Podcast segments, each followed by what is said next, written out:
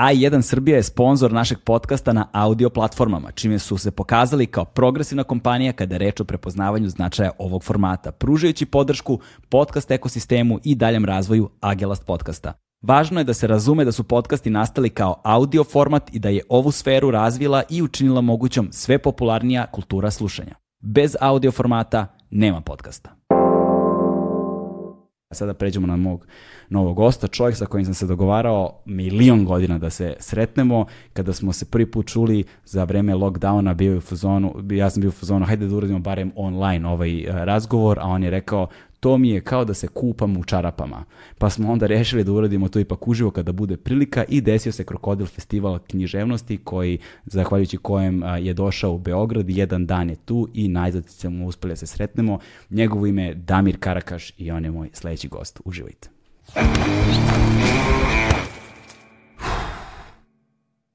Hmm.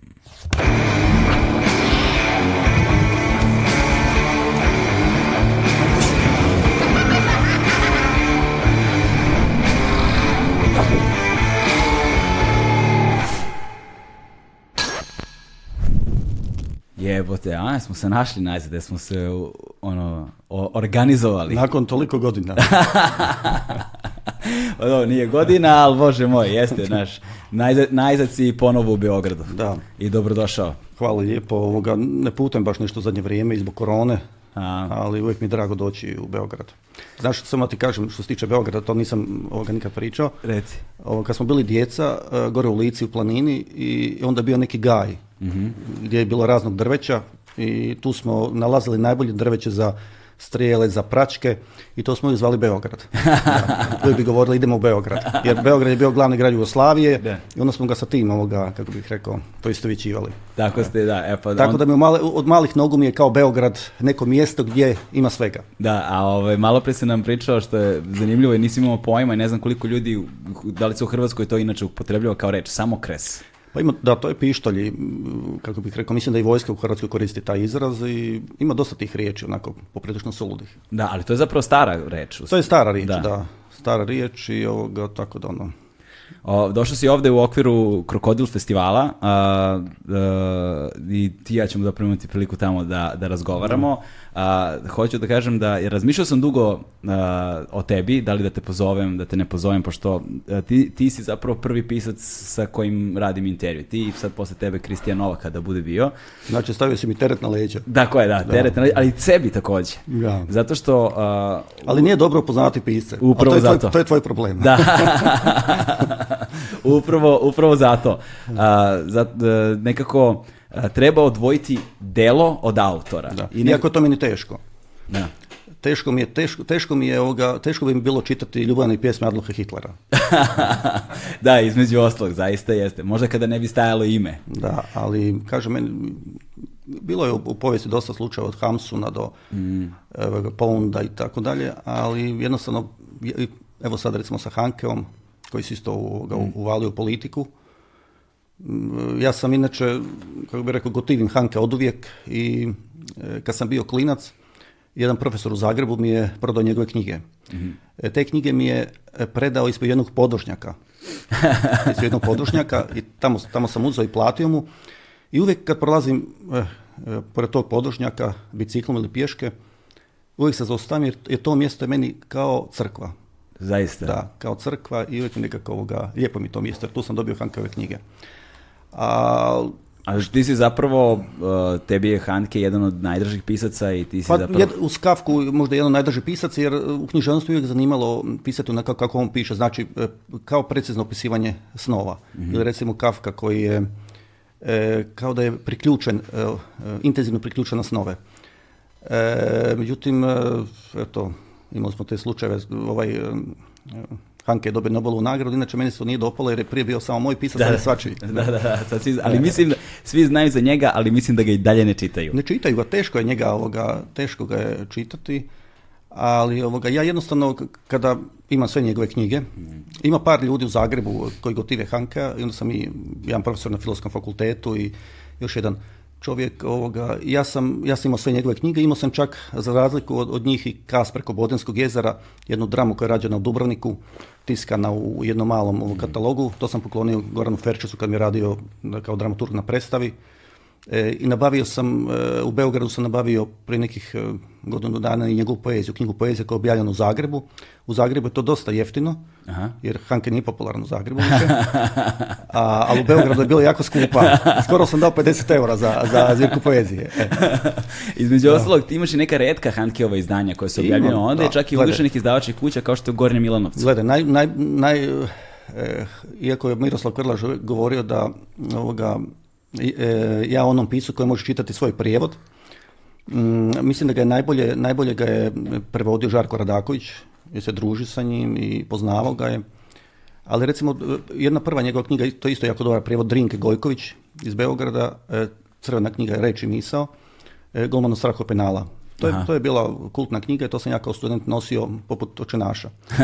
e, I poslije ovoga, znači Žarko preveo sve te njegove knjige koje su stvarno vrhunski prevedene. I jednostavno kada čitam Hankea, to je recimo kao kad gledam film od Tarkovskog, imam osjećaj kao da me Bog umjetnosti mazi po glavi. Znaš, ono kad sporo, sporo. Da, kad dijete ono po, pomaziš po, po, po, po lobanji. A, ali između ostalo kažem, imaš ta neka redka izdanja koja su bili izdavači kući iz Gornjeg Milanovca? Apsolutno, da. Imam sve, imam sva izdanja, samo međutim problem je e, što čim se pojavi njegova knjiga sad je u Laguni, odmah to uzmem, E, problem je što je, on je napisao jako puno knjiga, ali e, jako malo je, nije to nije baš previše prevedeno, on ima mm, veliki broj knjiga. Da. Postala je mogućnost, dok sam živio u Parizu, da otiđem kod njega, da ga poznam, pa nisam htio. Gospođa mi jedna namještala, nisam ga htio poznati jer ovoga, ne sam, možda bi bio, bio ovoga i razočarao. Jer kažem, nije, dobro poznati pisce. Da. Mm, ali to on se sad ufurao dosta u politiku. Mm, ovoga, E, kad je dobro Nobelovu nagradu, svi su me zvali da komentiram, nisam htio komentirati, nisam se htio ovoga uforavati u, te priče, ali možda najbolje njegov mentalni sklop objasnio Ivan Ivanje koji je bio titim prevoditelj i pisac iz Novog Sada koji je rekao ovoga, da je Hanke Srbin, on bio za Albaniju. apsolutno, istina. I tu možemo negdje da završimo sa Hankeom.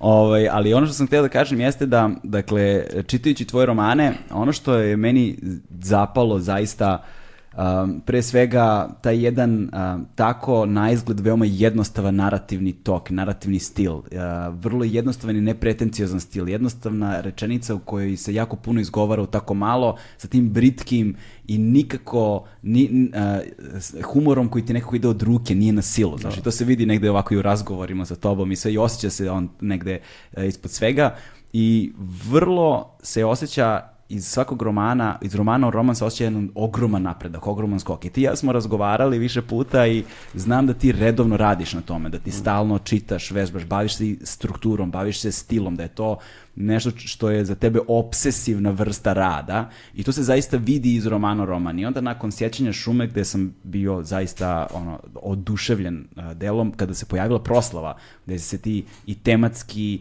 idejno i motivima vratio negde nazad u tu šumu, u tu liku i ovoga puta uključio tri generacije unutar jednog, de, unutar jednog dela i gde odjednom taj otac dobije jednu drugačiju dimenziju značajno ovaj, u tom romanu ali se dešava i ta neka vrsta sinestezije izvesne gde, gde, si kao da si pokušavao da dočaraš te zvukove i miriseš i osjećaj boravka u šumi i ti opisi prirode, odjednom se vidi da sada imamo posla sa potpuno drugačijom vrstom monstruma, da je, taj, da da da je to delo jedan ne, ne, ne želim da umanjim vrednost sjećanja nemoj, šume. Nemoj ispričati doga Neću, da, ne, kritičari ono kao pišu ono krimi romanu da ispričaju kraj. Da, da, ne, ne, ne, ne, neću da kažem ništa dalje od toga, znaš, nego sam samo htio da kažem da u odnosu na sjećanje šume, ne želim da umanjim, umanjim sjećanje šume, ali taj, taj, taj udarac koji ostavi roman proslava zaista čoveka ostavlja bez daka i, za, i stvarno mislim da je to uz ne znam Kristina Novaka i još neke autore odnosno njegov roman Cigan je najljepši je možda trenutno jedno od najznačajnijih ako ne i najznačajnije delo na prostoru bivše Jugoslavije i u to je bio trenutak kad sam shvatio ne mogu više da ignorišem ovu situaciju moram čovjeka da pozovem Potrefilo da... ti se ali, inače e, ovoga e, Zanimljivo, e, ja sam prije sam, kako bih rekao, ovaj, proslava i sjećanje šume su za mene moji najzreliji radovi. Mm, Ali htio sam ti reći samo što se tiče tog, rada, Puškin je rekao, trud je također talent. Da. Znači, moraš se, moraš se puno truditi, puno raditi. Ja puno radim. I to je problem pisaca moje generacije, jednostavno prestanu raditi na sebi. Ne da se više ljudima gledaju da. nogomet, piju pivo, a ja sam, sad, ja sam stvarno fanatičan u tome, puno posvećujem e, vremena tome E, puno čitam knjige ovoga i kada si fanatičan i kada tražiš samo jednu riječ, jednu riječ, e, jednostavno ta knjiga te nagradi, otvori se ni na polici i kaže ti tu riječ. Da. Ali ovoga normalno, neki ljudima se sviđaju ove knjige, nekim one kao i u glazbi.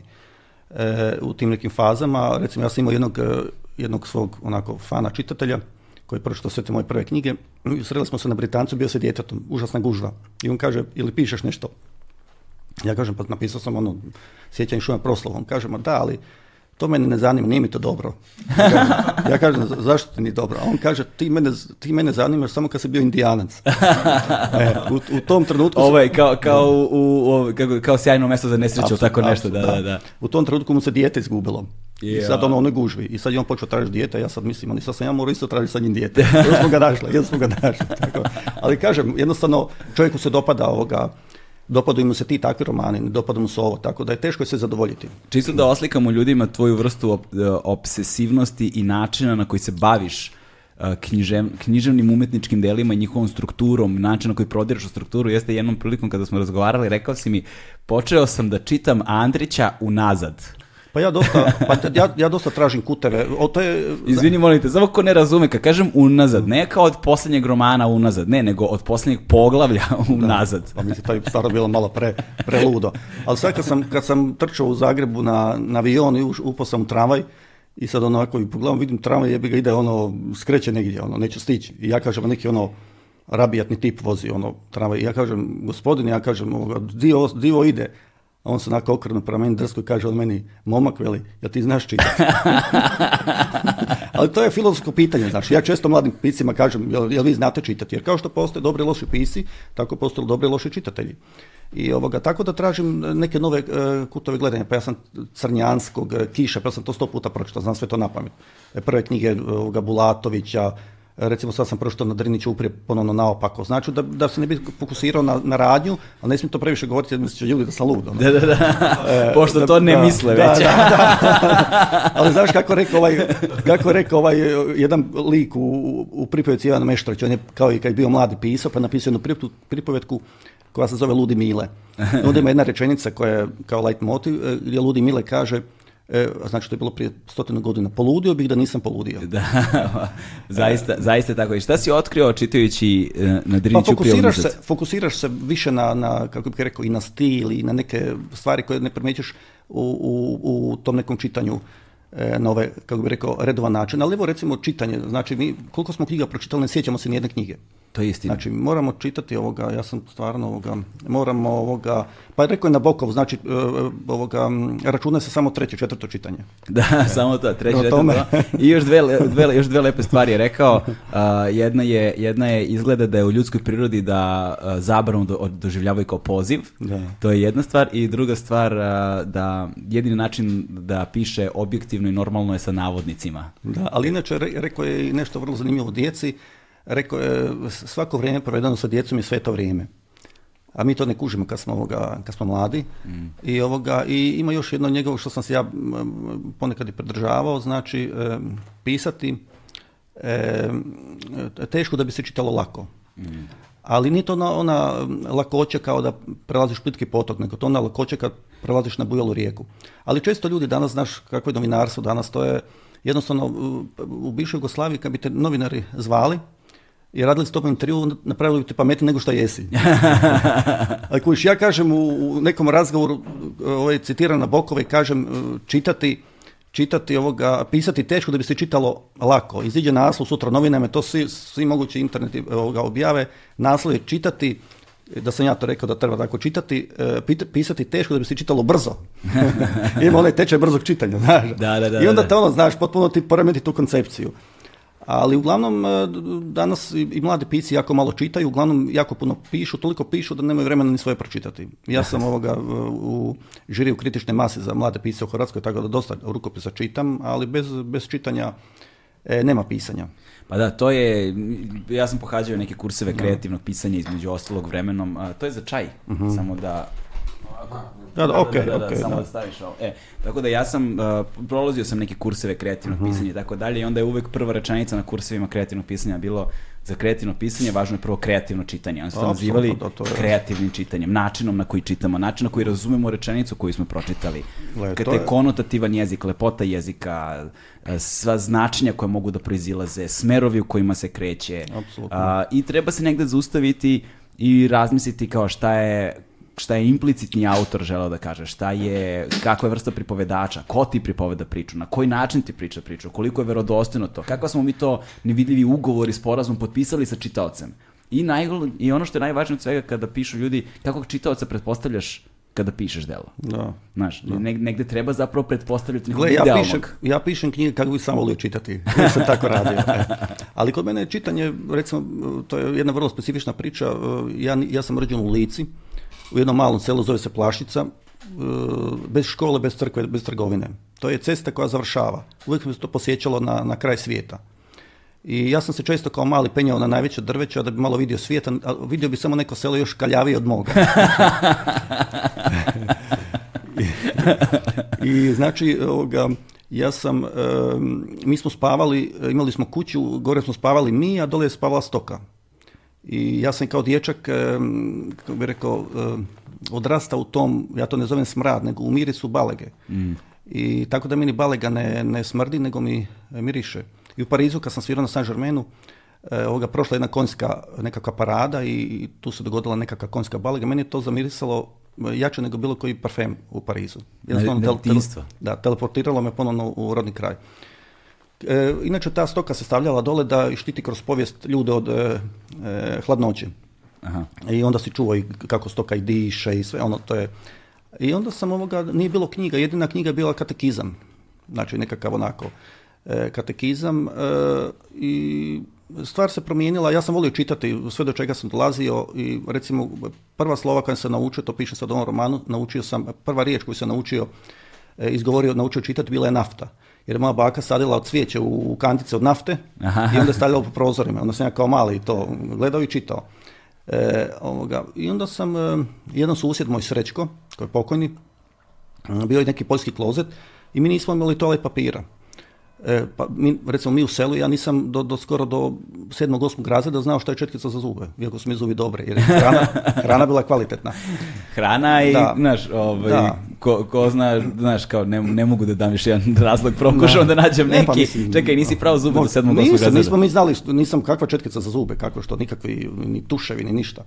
Znači, to je higijena bila stvarno na niskom nivou, a svi smo bili zdravi. Da, koji ste znači, godište samo? 67. 67. Dakle, to ne govorimo 74. Ali 5. velike, 6. velike su tu e, kulturoške razlike, čak i između Brinja i tamo odakle sam ja. Mm-hmm. I tako da u biti nismo imali e, toalet papira, WC papira. I onda je taj susjed, moj srećko, on je imao poslije klozet i on je negdje E, ne, znam gdje je to nalazio, nalazio nekakve knjige na tavanu i stavljao ih je u WC. Znači uzao bi Dostojevskog, čavao kroz dasku i to bi tu stajalo. I onda tako da sam ja počeo to čitati. Čekaj, šta je radio sa knjigama? Uzme knjigu i stavio uz, uz ovu stranicu daske i čavao kroz nju. Onda ti trgaš, trgaš listove. A čekaj, što bi zabio zabio Pa da stoji tako, znaš, da ipak ne stoji, nego da, znaš, ono, kao ovoga, e, da se kida. E, I, i onda sam ja jednostavno to otkrio i počeo sam ulaziti u WC. I pošto sam tu dosta vremena provodio u WC-u, nisam smio više provoditi jer stvarno ljudi vide ono, ove stalno u WC-u. Znaš. Očito, je, očito je bolestan, znaš. Koliko si godine imao? A možda ono, 8-9 godina. Mhm. I ovoga, tako sam dosta čitao tom WC-u, međutim kako sam hm, čuvao u planini stoku. E, inače, to je posao koji ljudi u mom kraju ne vole raditi, jer to je, to je posao gdje zapravo moraš sjediti pod grmom i moraš razmišljati a ljudi jednostavno kao rekao, boje, se, boje se tog, tog razmišljanja, oni fantastični su radnici, vole raditi, ali to niko nije htio raditi. Tako da sam ja ovoga odlazio gore čuvati, pazi, odlazio sam znači ujutro i, i večer. E, ujutro znači od, ne znam, od 7 do 11 i onda poslije od 2 opet do 6, 7, 8. Tako da sam e, njemu počeo krasiti te knjige, nositi u šumu sa sobom i već sa, sa možda 9-10 godina ja sam pročitao gotovo sve ruske, francuske klasike. Znači ja sam prošao rat mir, rat mir sa devet godina, ja nisam znao šta je to, kakva je to kvaliteta, vjerojatno sam čitao to u onom registru kako djeca čitaju te ratne romane. Mm. Nisam znao tko je Čehov, ali meni su se dopadale te priče. Normalno imao sam, dolazilo je ponekad i nekakvi laso romani, nisam ja ponekad pravio, nisam ja pravio razliku, nisam znao koja je razlika, ali meni se to strašno dopadalo. Tako da sam, eto, imao tu sreću da sam ovoga, sjećam se, E, od ovog e, Gogolja sam čitao jednu pripovetku u šumi upalio sam vatru, inače e, nismo imali satovi, tako, znali smo po suncu kada treba krenuti šume. Mi smo bili, ja, kako bi rekao, djeca, naši roditelji su nas pustili u šumu, nisu se ni brinuli da li će nas napasti vuk medje, to je bio naš problem. Nisu znali, znali, imao sam nož, sjekiru, znači morao sam se uzeti u svoje noge, ovoga. znači morali smo samo vratiti E, stoku. koliko, sam, si, koliko si dobro baratao nožem i sekirom? Pa mislim, ono, znaš, toliko sam, ovladao sam sa svim tim mogućim vještinama, znači penjenje na drvo, trčanje, A1 je prvi prijatelj audio izdanja Agelast podcasta.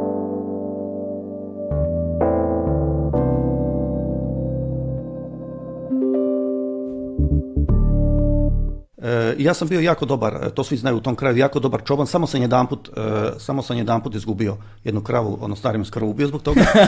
to, su me, to, su me, to su me knjige, knjiga me zeznula, jer sam ovoga, upalio sam vatru u planini, svi su čobani otišli, toliko me knjiga zanjela da jednostavno došo spustio se mrak, to je opasno gore u i medvjedi, da su ovoga, ova goveda su poležala pod grmove kao da će ispavati Normalno, ljudi su dole u selu zbunili. Uglavnom, kad su krenuli potragu za mnom, našli su me uz vatru gdje čitam Gogolja. I ta sam isto dobio batina. Evo, to je, recimo, taj jedan A krava koju si izgubio? A krava koju sam izgubio, ne znam šta se dogodilo. Često se događalo, recimo, e, nisu sve krave imale ove... Mm, e, ono, zvona. Zvona. I onda često, recimo, ti tražiš... To je isto kao danas sa mobitelima, znaš, ono kao... Ja, ono, kad nije bilo mobitela, ovoga, ja, ja sam sa nekom curom svojom nešto u oktogonu nešto posvađaju, sad ja nju pustim da ide, ona krene, ja je pustim i više ne mogu naći. Da. Ne znam, išla lijevo, desno, ja trčim lijevo, ona išla tako i ovo. Jednostavno ne znaš gdje, i ovoga, tako da je ta, ta krava je, vrlo, mi smo cijelu šumu e, prošli, a krava je bila vrlo blizu, ležala je u grmu, znaš, nismo znali, nije imala tu e, e, ovoga zvono, brunzu. još ako, je počeo pada mrak. I padao je mrak, još je padala i počela padati kiša, to je onako dosta, ali kažem, jedanput i to je, to je je bilo u biti sve. Tako da sam u biti pročitao sve te sve te knjige, e, ono, vrlo mlado. A, zanimljivo je pre, raz, sa Irvinom Velašom koji je došao na festival da, s autorom romana Train Spotting, jel te? Ove, ovaj, razgovarali smo i onda on pomenuo kako njemu, ono, kako, kako, kako mu savremena tehnologija, kako ga savremena tehnologija nervira, posebno mobilni telefoni, zato što su upropastili čin pisanja, jer prava životna drama više ne može se desi zato što svaki lik u stvarnosti danas može da ima mobilni telefon. I ukoliko se neko, na primjer, izgubi u šumi ili crkne negde auto ili nešto, sad imaš potencijala za neku dramatičnu situaciju, jebi ga, u stvarnosti bi čovjek samo uzao mobilni, pozvao službu za spasavanje, oni bi došli i gotovo. Da, znači, ti moraš, kaže, da potrošiš ne znam koliko vremena na stranice i stranice teksta da učiniš mogućim situaciju da je ostao bez mobilnog telefona, da nije bateriju telefona, da je ovo ili ono, da bi mogla da se odvija prava dramatična situacija. Znaš, tako da, da, bi tvoja tvoje stvarnosti, budućnosti i odrastanje sve izgledalo drugačije, si imao mobilni telefon kad si u WC. da, sve bi bilo drugačije, ali recimo zanimljivo sa tim knjigama, ja se uvijek volim, ima tu istine, volim se uvijek ga pohvaliti da sam i pročito i najkraće izdanje Ane Karenjine koje je imalo samo šest strana. koje to izdanje bilo, majke Neko crveno, sjećam se. Ali inače ovoga, znaš, ja sam na, na, na filozofskom fakultetu upoznao jednu djevojku i e, ja, recimo, ja sam mogao samo e, na more ići jedan dan u Senj i baš na veliku gospu i baš tad bi padala kiša. Znači, e, moj star je govorio, ovoga, sad si ležao u Zagrebu kao konj, i sad moraš raditi tri mjeseca. Znači, to su teški radovi. Znači, najprije košnja, košnja na kosu, znači u planini, goli do pasa, znači kosimo po cijele dane. To je pod onim suncem. Onda kad to sve pokosiš, to, su, to, to traje ono tjedan dana. E, nakon toga znači to spremanje sijena. Onda e, mi smo imali volove, kod nas toliko je brdovito da traktori ne funkcioniraju, a volovi su, a, kola su nam bila sa željeznim kotačima, kao hogar strašni.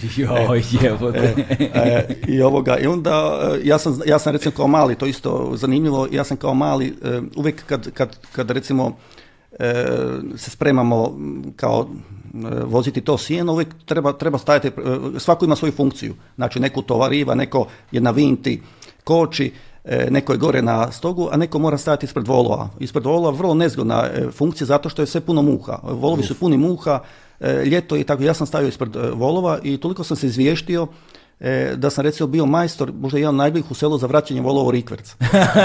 Znači, imaš funkcije ost, čas, znači to što moraš znati, a kola su sa zglobom, znači ti to što moraš znati kako to ovoga funkcionira.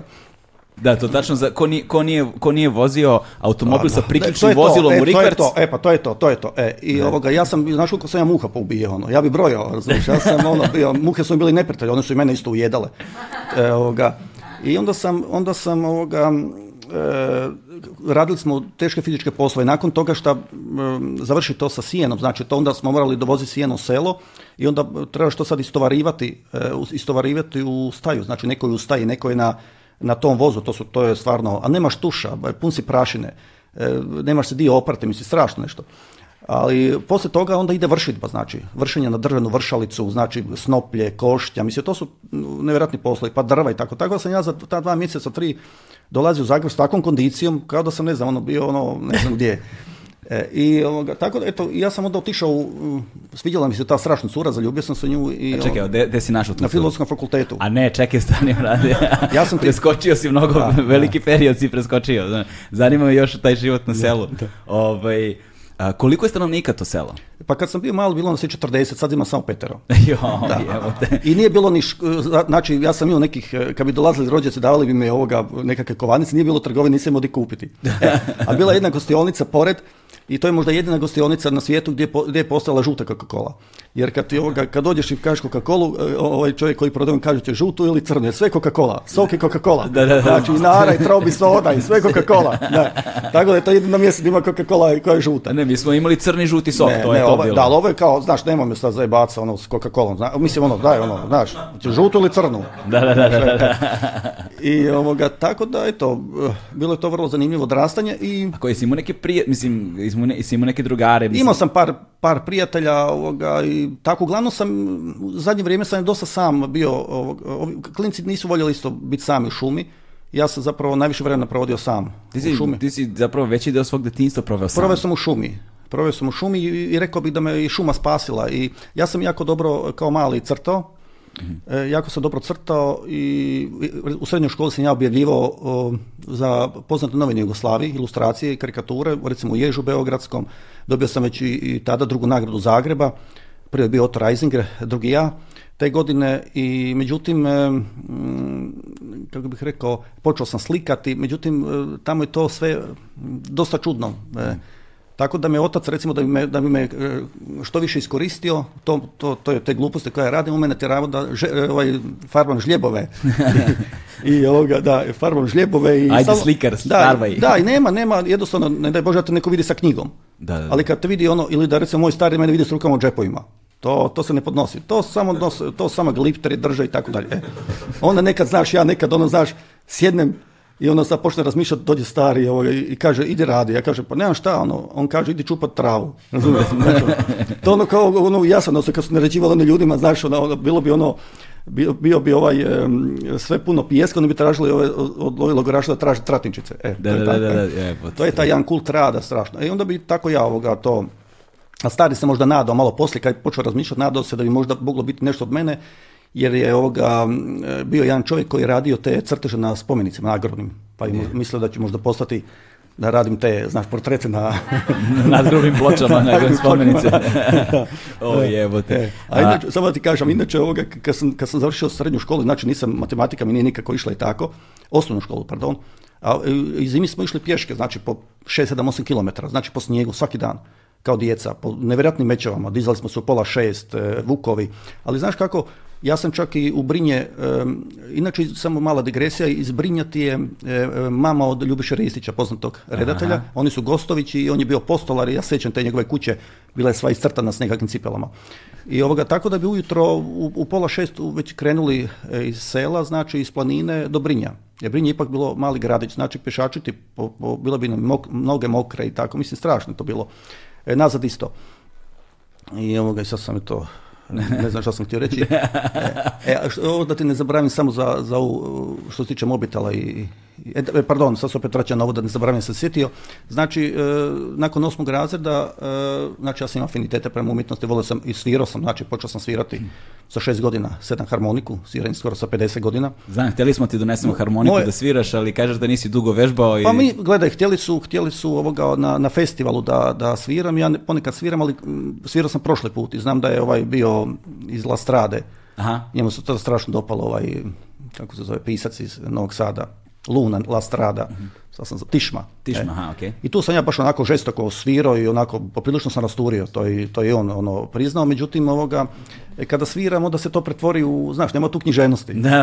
to bude ljudima super zabava, ono lijevo desno, znaš, ali ono, kao isto ode, se dođe ode sve ono, kao znaš, to se pretvori u neki dernek i tako. Tako da nisam ovoga htio, ali nekad mi ljudi zajebu pa mi donesu harmoniku. ali ovoga, harmonika, harmonika je Eh, ja harmoniku tretiram na jedan drugačiji način, znači neko koji je odrastao, uz, eh, odrastao koji je slušao punk, eh, Laibach, Miladojku, jazz i tako dalje, i tako da harmonika se, mm, a harmonika je inače i zanimljiv instrument, ja uvijek kažem, ispričam ljudima ponekad, kad, kad me pitaju harmonici, ona je, njena povijest je takva da je neki kineski car, on je slušao neke ptice, i toliko mu se dopala ta glazba da je odlučio ovoga da, da to svaki dan sluša i onda je tražio od svojih podanika da mu nađu, da mu hvate te ptice, naravno nisu mogli uhvatiti i onda su oni otišli u šumu i slušali to i napravili su instrument, to je čeng ili šeng, to je rezonantna kutija i ove e, trstike koje se puše. I, I pošto su ljudi u to vrijeme dosta putovali po svijetu, ono, šta ja znam, iz Francuske, Engleske, jedan Francuz je tamo došao, uzeo instrument, da, uzeo instrument i donio u Francuski. onda je vidio kako su kovači u Francuskoj imali te mjehove mhm. e, za kovači, onako. I onda je vidio to i onda je stavio to između i tako zapravo nastala harmonika, zapravo autentična, prava prva harmonika je, francuzi kažu buto, na dugmat, u Srbiji kažu pasuljara. Ili znači, dugmetara. Dugmetara, ali mi koji sviramo klavirku, mi ne znamo svirati. Onda meni često kažu, znaš... Kemir ke, kemiš svira da, Da, dugmetara, da. da. Ja, mi sviramo, ja sviram, da. Ja sviram klavirku. I harmonika je zanimljiv instrument, ona ide direktno na srce i ovoga, i tako da ono, ali volim je, volim recimo ponekad još samo djeci svirati, ali kažem kad meni kad mm. zeznu, ali Zvali su me prije par godina na HTV u neku onako udarnu emisiju da sviram e, dvije stvari od Edith Piaf. I, ovoga, I doma sam, uzeo sam harmoniku i, i doma sam stvarno osvirao te dvije stvari, bio sam stvarno super zadovoljan, stvarno sam sjajno to osvirao. Međutim, kada sam došao na to mjesto u studio gdje su stavili oko mene sve te kamere, sve te moguće stvari, jednostavno svirao sam, ali jednostavno nije mi to bilo to. Da. Tako da mi se da, da nije mi to odgovaralo, jednostavno ono, E, nema intime. Nema intime, nešto mi, je, nešto mi je tu, kako bih rekao, e. kao da, kao da mi uškopilo. Da. E, nikako se vratiti na ovu djevojku. Je, e, Ali kaže moj stari, da, kaže moj stari ovoga, kaže moj stari nakon osmog razreda, slušaj, moramo sad razgovarati kao šta će biti s tobom, di ćeš ti, ovo ono, ljevo, desno. A ja ono nemam pojma, matematika, ono to mi ono... Ja e, kaže on, slušaj ovoga, ti, ti ćeš, baš je taj izraz rekao, ti ćeš veli ići za preciznog mehaničara. To, to su ljudi koji popravljaju televizore, kaže on. Televizor je budućnost, kaže on. Viš moj star je to skužio još tad. Ali ono, ništa toga nije bilo. I ovoga, a što se tiče te, te djevojke, ja, ti, ja sam ti e, išao na prijemni povijest umjetnosti i filozofija. I mhm. kužio sam ono, dosta sam čitao iz umjetnosti, to sam dobro poznavao, međutim bojao sam se filozofije. Prošao sam prijemni pismeni usmeni e, filozofiju, e, prošao sam pismeni povijest umjetnosti i sad smo bili na hodniku, e, trebalo još usmeni mhm. položiti. Bilo je tu deset djevojaka, sa mnom i samo ja. I mi smo sad čekali na te ispite, ja sam se toliko presaravao na hodniku, galamio sa njima, sam držao predavanja, da se idu na ja, pa oni su prošli. I to mi je bio užasan šok i tako malo me to ovoga, dosta me poljuljalo. E, ali, I tako sam upoznao sam tu jednu djevojku, e, razmijenili smo adrese, jer inače nije bilo, ja nisam imao ni telefona, ni ništa. Znači, ovisiš o poštaru koji dolazi samo kad su penzije. Eventualno kad je neka hitni telegram, ono, poštar dođe, ono, znaš, tamo vidiš ga zbrda, ide, ono, ali to rijetko dolazi poštar, misli, ovoga. Samo kad neko umre. Da, kad neko umre, tako. E, I onda, ono, normalno, ovoga, ja sam, ja sam tu radio fizički, ono, na tim planinama i mislio... Bio si u kondiciji. u kondiciji, mislio sam na nju i onda sam napisao pismo, naravno. To prvo pismo ljubavno, lijepo i, Koliko si godina imao? Pa imao sam možda, tek sam možda 19 godina. Da. Možda, možda, ne, još sam mlađi bio, 18, 17. I tako sam čekao, čekao sam danima to njeno pismo. Znaš kako ono još kad si tamo planini pa si sam pa misliš na nju pa se fokusiraš tako to je, znaš, ljubav se rasplamsala. Da, da. Ti si se već oženio, djecu dobio. Da, ja, sam, da, ja sam se vidio kao već starac, znaš, sam da. Ja, ja čekam, čekam poštara. Bio je par puta došao ništa. Jo, a koliko si ga čekao? Čekao sam ga mjesec dana, dva mjeseca, ono, znaš, ono, strašno, nema pisma, nema ništa, kako, gdje. Uglavnom, e, ja sam nakon, ne znam, dva i pol mjeseca, tri mjeseca se vratio u Zagreb, počeo sam je tražiti, nisam je čak i našao. Mhm. I vidio sam je prvi puta tek nakon šest godina. Ujevo. E, I nisam je pitao nikad. I sad je sretan nekad, ima djecu i nikad nisam pitao. Neka ostane misterija. Da, da, da. da. da. Možda je poštar uzo pismo. možda, možda, nikad, možda nije ni stiglo. Da, možda je poštar vrio s njom. Znaš, možda je... možda, možda sam se ljubila od drugoga, možda me, možda više nije htjela biti sa mnom, znaš. E, možda je, znaš, ono, to je zanimljivo, te, te godine su ovoga, vrlo zanimljive. Ja sam došao u Kulušić kao mlad momak i su bile dvije cure Zagreba na šanku ja s njima ono gužva, neki je bio tako, ja pošao s njima onako nekakve Zagrebčanka onako baš iz visokog društva i ja sam onako s njima počeo pričati ovo ono tu jedna nešto kao sa njom sam počeo nešto vrtiti, kaže meni, ona odakle si ti? Ja kažem iz Brinja. Ona okrenula se i otišla ća tako je bilo. Jednostavno. A zamislio sam još rekao da sam naš, nisam iz Brinja. ta se dosta držalo do toga, znaš, ono, kao, naš ono, svi smo mi patili da imamo, da imamo ovaj, osnovnu kartu da bude ulica. Da, da, Jer da. kad jebi ga selo, zna da si seljak, kuš, znaš, sela. A ono, biti sa sela, znaš, kad si mlad, onda je to ono. Isto recimo došlo je to nekako vrijeme kada harmonika jednostavno nije više privlačila. Privlačila me, htio sam svirati ličnu gitaru, bubnjeve. Posle sam se ponovno vratio harmonici, jer harmonika je nekako ono, u tom vremenu mi se činilo da ne mogu realizirati s njom neke stvari. Ja, znaš, ono, kažeš nekoj curi, znaš, ono, jebote, sviraš harmoniku, znaš, neka zajbanci, ono. ono, došlo doba roka bilija panka, jebote, da. E, ti sviraš harmoniku. Ideš u e, Jabuku u Zagrebu, sviraš harmoniku. Da, mislim, znaš, to izgleda, znaš, baš onako kao neka loša fora. E, tako su vremena bila.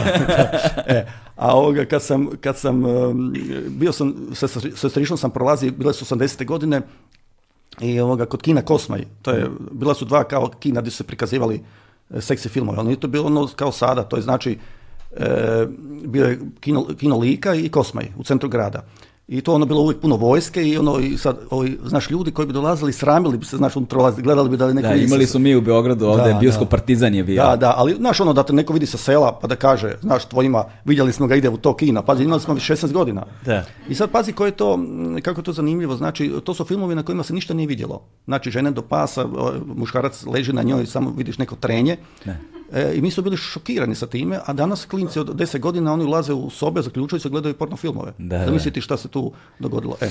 I ništa, nema to veze s ovim, ali ja sa, sričnom vidim idem ovoga, pored e, tog kina i vidim frajera onako crn, e, kosa kao gavranovo krilo, onako jaka jagodica, dosta onako impoznatno izgleda, savu crnu, naslonio se frajerski, ima, sjećam se imao remen, onako ukos stavljen, onako blješteći neki e, remen, neki čelični, i, ovoga, i ja kažem se strični, ja kažem, vidi panker, znaš. A on me čuo i on onako osovi se na noge jer je bio naslonjen i bijesno zavika za mnom. Veli, nisam ja panker, ja sam novi romantičar. to je bilo ono vrijeme, znaš, kad se počeo pojavljivati kao, znaš, Dorian Gray. Da, tako da, da, da.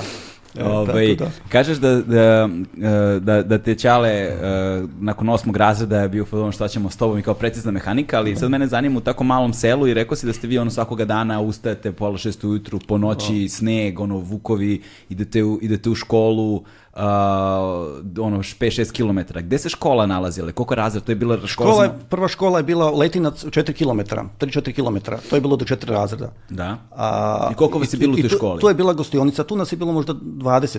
Mm -hmm. 20. To je svih okolnih da, sela su dolazili da, tu. Da, oni koji su bili najbolji đaci, ti su, ti su bili uz speć. Ali pazi, možeš zamisliti, ja još pripadam onoj generaciji, ja sam morao klečati na, na, na, na soli. Na soli. Na soli. Da, i pazi, morao sam uh, klečao bi i ono gledao bi u zid. Ono, jo, dva, tri sata. Ne. Mislim, to je suludo, ne, Naši profesori su bili, ovoga, ne profesori, učitelji su bili vrlo, vrlo ono, opasni. Recimo, moj otac kad me doveo e, kod učitelja, on je njemu rekao, e, tuci ga, ja nemam vremena. ja nemam vremena da u njega čovjeka napraviš. znači, e, i sad, pazi, on me dao, znači, pazi koje je to povjerenje učitelja. Je, e, ali znači, povjerenje koje to... gledaš, šta će sad biti onoga kao pa prebiješ, neće mu ništa biti, razumiješ? Pa mislim, ono, znaš, zašto bi se ja tu još se ti umaraš, ne ja. U tako jednoj surovoj sredini, naravno, pa to je ništa. Naravno, to, to će ga, da. I onda ovoga, i tako da u biti, e, kad bi ja došao recimo iz škole, kad bi rekao da me učitelj izmlatio, onda bi me otac još jednom izmlatio. Jer to je značilo da sam nešto napravio, da sam kriv, znači šutio sam i tako. e, tako da je to bilo ovoga, i kad sam bio u tu, u E, u toj školi, recimo, zanimljivo je bilo kad su nas vodili u Jasenovac, a pošto su moja oba djeda bili Ustašama. znači, jedan je bio još kao neki narednik, a jedan je bio ovaj običan Ustaša. običan Ustaša.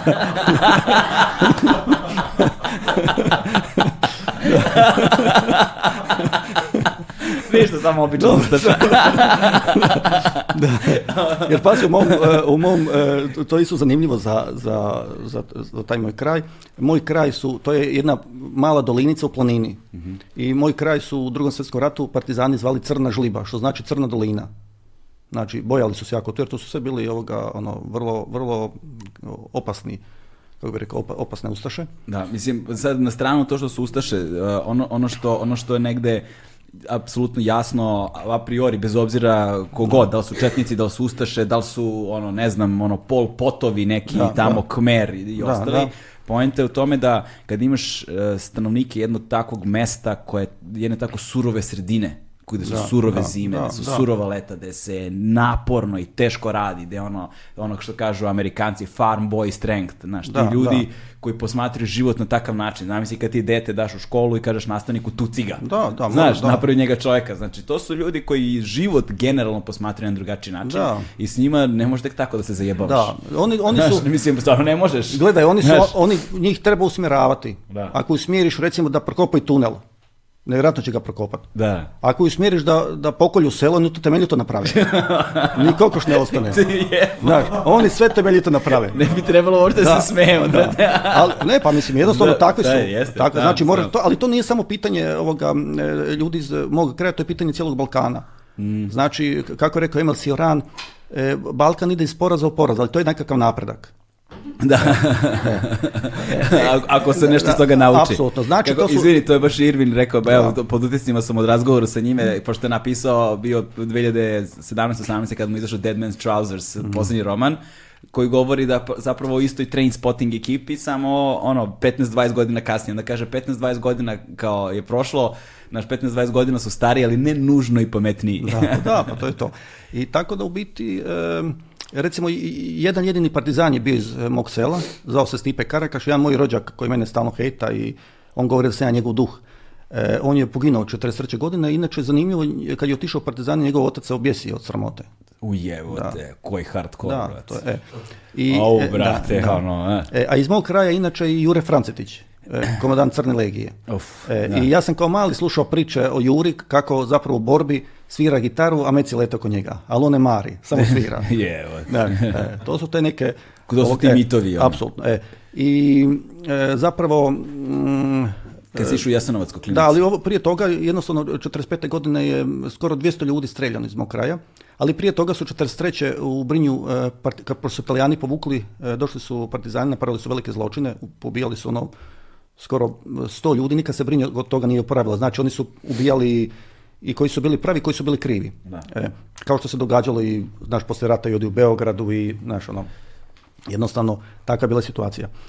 E, tako da je jako, jako je puno ljudi ovoga streljano, tako da mjesta su totalno desetkovana i, i moj jedan e, rođak se sjeća e, njih 200 kako idu na streljanje i pjevaju u lancima, idu. Tako da mi, iz moje kuće se također streljani neki ljudi, tako da mi u biti ni za njihove grobove ne znamo ne znam, kao da nisu nikad ni postale. To su, to su neke strašne priče. E, I e, kad su počeli, e, se ubacivati terorističke grupe u Jugoslaviju, znači prva grupa Tolić Oblak iz Australije, to su bile baš prave Ustaše, e, bila su dvojice iz mog kraja, ubačeni su na moj, na moj, u moj kraj. Nisu bez veze ubačeni, znali su da tu mogu imati ovaj, e, kako bi rekao, nekako zaleđe. Mm njihov plan je bio da ubijaju policiju, mislim da je čak bio tu i plan da, da, da zatruju e, ovaj beogradski vodovod i da stave bombe u kino i tako, strašno. Ali policija ih ipak uhvatila sve i mislim da su streljani svi. E, druga grupa je bila ova e, bugojanska grupa 71. E, koju je vodio Adolf Andrić iz Tuzle i oni su u Australiji se vježbali, oni su isto ovoga e, zanimljivo kod te grupe pobijani samo jedan koji je bio mlad je ovaj, preživio, poginuo je u ovom ratu zadnjem ali zanimljivo, tadašnja jugoslavenska vlast nije na njih poslala e, policiju, nego teritorijalnu obranu, tako da su zapravo njih pobijali Hrvati u Bosni, koji su obrani, da. I ovoga, e, ovaj, ovaj, što ih vodio zvao Sadolf Andrić, mislim. Zanimljivo ime, ono, mislim, znaš. Da. E, tako da eto I onda smo jednostavno, za nas iz moga kraja se znalo da mi ne možemo ići u vojsku i miliciju. Jer imali smo tu stigmu i znači on nema ni pokušavati. Da, ono. zapravo Ustašama je bilo zabranjeno i dalje, mislim. Ali nama, njihovim unucima i njihovim unucima, djeci, ali moj otac se nije, vidio moj otac da od toga nema, moj otac je stvarno ono, pošten čovjek i, i, nije nacionalista i stvarno je ok, a on je vidio da od politike nema toga ništa mm. i tako da u biti, ali znalo se, kako bi rekao, da, da postoji ta neka stigma i da, da ne možemo ići u, u vojsku i policiju. Šta si htio početi? Pa, pa da, zanimljivo je to bilo, mi smo morali kao djeca ići u Jasenovac. Znači, to, je, to je bilo nevjerojatan postav, to, je, to su bili horori. I sad je nama djeci bilo vrlo čudno, dođemo u Jasenovac, to su bili takve, ono, takve slike, a pa mi smo imali možda 8-9 godina i sad smo znali da je na toj strani koja je to radila da su bili naši djedovi, znaš. I nama je to bilo stvaralo jedan šok u glavi.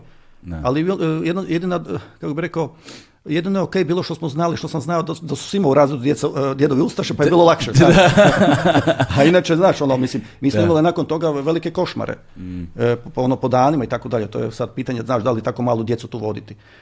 Tako da je to bila stvarno mm. jedna ovoga, situacija e, vrlo nezgodna. a ovaj, kažeš, dakle, prvo četiri razreda, to... U letinac. Da, da. U Letinac prva četiri razreda, nakon toga, nakon toga smo, tamo i postoji crkva i gostionica i bila jedna mala trgovinica i prvi sladoled, e, zapravo sladoled koji sam pojeo, čuli smo da je došao tamo sladoled, to smo kupili i na kraju smo se vraćali, e, ja i neki moji prijatelji po šumi i onda jedan lugar nam je rekao nije to sladoled, to je krem. Znači mi smo mislili da je to sladoled. Jedan je nam euro krem i on mislio da, da je to sladoled, znaš. E, jer nije bilo ni sladoleda ni ničega. Da, e, je. bilo je u Brinju jedan slastičar, e, bile samo su neke kugle žute, bile, još i sami nekako to na jaja ono daje, neki vonj. Ono.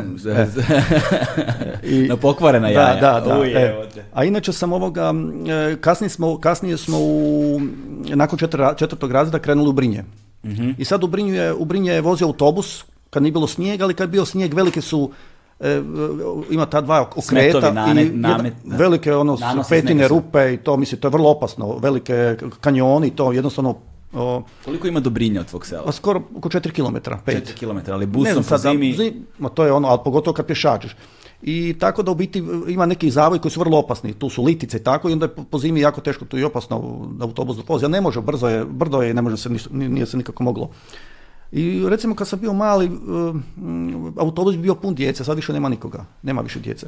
Tako da smo išli u Brinje u školu i Brinje je ipak bilo jedno ovako zanimljivo mjestašće koje imalo i bolnicu i, i bolnicu i dvije tvornice i recimo jedan moj prijatelj Eh, imalo i dva rock'n'roll benda. Jedan moj prijatelj, eh, sin tajnika škole, on je, tad nije bilo kafića, bilo se samo kao bufeti, pisalo, idemo u bufet. Ja, eh, je otvorio kafić, i kafić je dao ime Santana. Pazi, ljudi neki još tamo još ni sad ne znaju tko je Santana. Vjerojatno misle da to Sotona. tona. po, ono, znaš, po glazbi koja je tu. Takvo je vrijeme bilo, znači svirao se rock roll i tako. E, Čovječe, koliko je Santana bio veliki. Da, kad Santana, je... da, ali pazi, ideš ono, ide autobus kroz neku pripisnu, ono vidi Santana, ono. Da. E, i, ali Brin recimo, moj profesor povijesti e, Grga, on je najbolje to definirao, on je rekao da je to trgovište. Znači, to mjesto gdje se trguje. Mjesto od 3-4 hiljada stanovnika. Da. Ali znači, postala je bolnica čak i, znači. Tako da u biti tu sam, tu sam išao skoro da eh, četiri godine sam tu išao, ali ja kad sam išao u školu, možeš zamisliti, kad sam ja išao u šesti razred, sa mnom su išli neki koji su padali i po tri godine, po dvije godine. Znači ja sam išao u šest, a neki, neki su bili stari od mene po tri godine. A kad sam išao u Zagrebu, recimo u školu... Toga smo eh, imali mi ovdje. Ali pazi, kad sam išao u Zagrebu, treći srednje, evo eh, ga sa mnom je išao jedan što je iz vojske došao. Da, da, iz Jena je došao. Ovaj, da. li, si, da li si imao, mislim, za sve one koje zanima da saznaju više zapravo na jedan zaista divan način o tvom odrastanju, o tvom životu, mogu da pročitaju roman Sjećanje šume, jer ima zaista mnogo tebe u tvojim delima. U svim tvojim delima zaista ima baš mnogo tebe a, ovaj, ali, ali za divno čudo to zapravo ne samo da ne umanjuje umetničku vrednost, nego im daje negde na težini. autentičnost o kojem ti pišeš i iskustva koje ti prenosiš, način na koji govoriš u svojim, u svojim romanima zaista je, zaista sjajno. Tako ukoliko ih zanima više, mogu da pročitaju roman Sjećanja šume, ali me, ali me zanima e, da li si imao susrete sa vukovima, sa medvedima, znaš, pošto svako malo ih pominješ, a zanima me Pa i čak e, u šumi su često, često smo ih ovoga viđali, vukove medvede, nismo se, nismo, nije nam to bilo čudo jer smo odrasli u takvom ambijentu. I ja sam čak, e, u Brinju sam, e, u Brinju je bilo kino svaki petak i ja bi pješačio po noći, znači sam kao dječak da bi gledao film.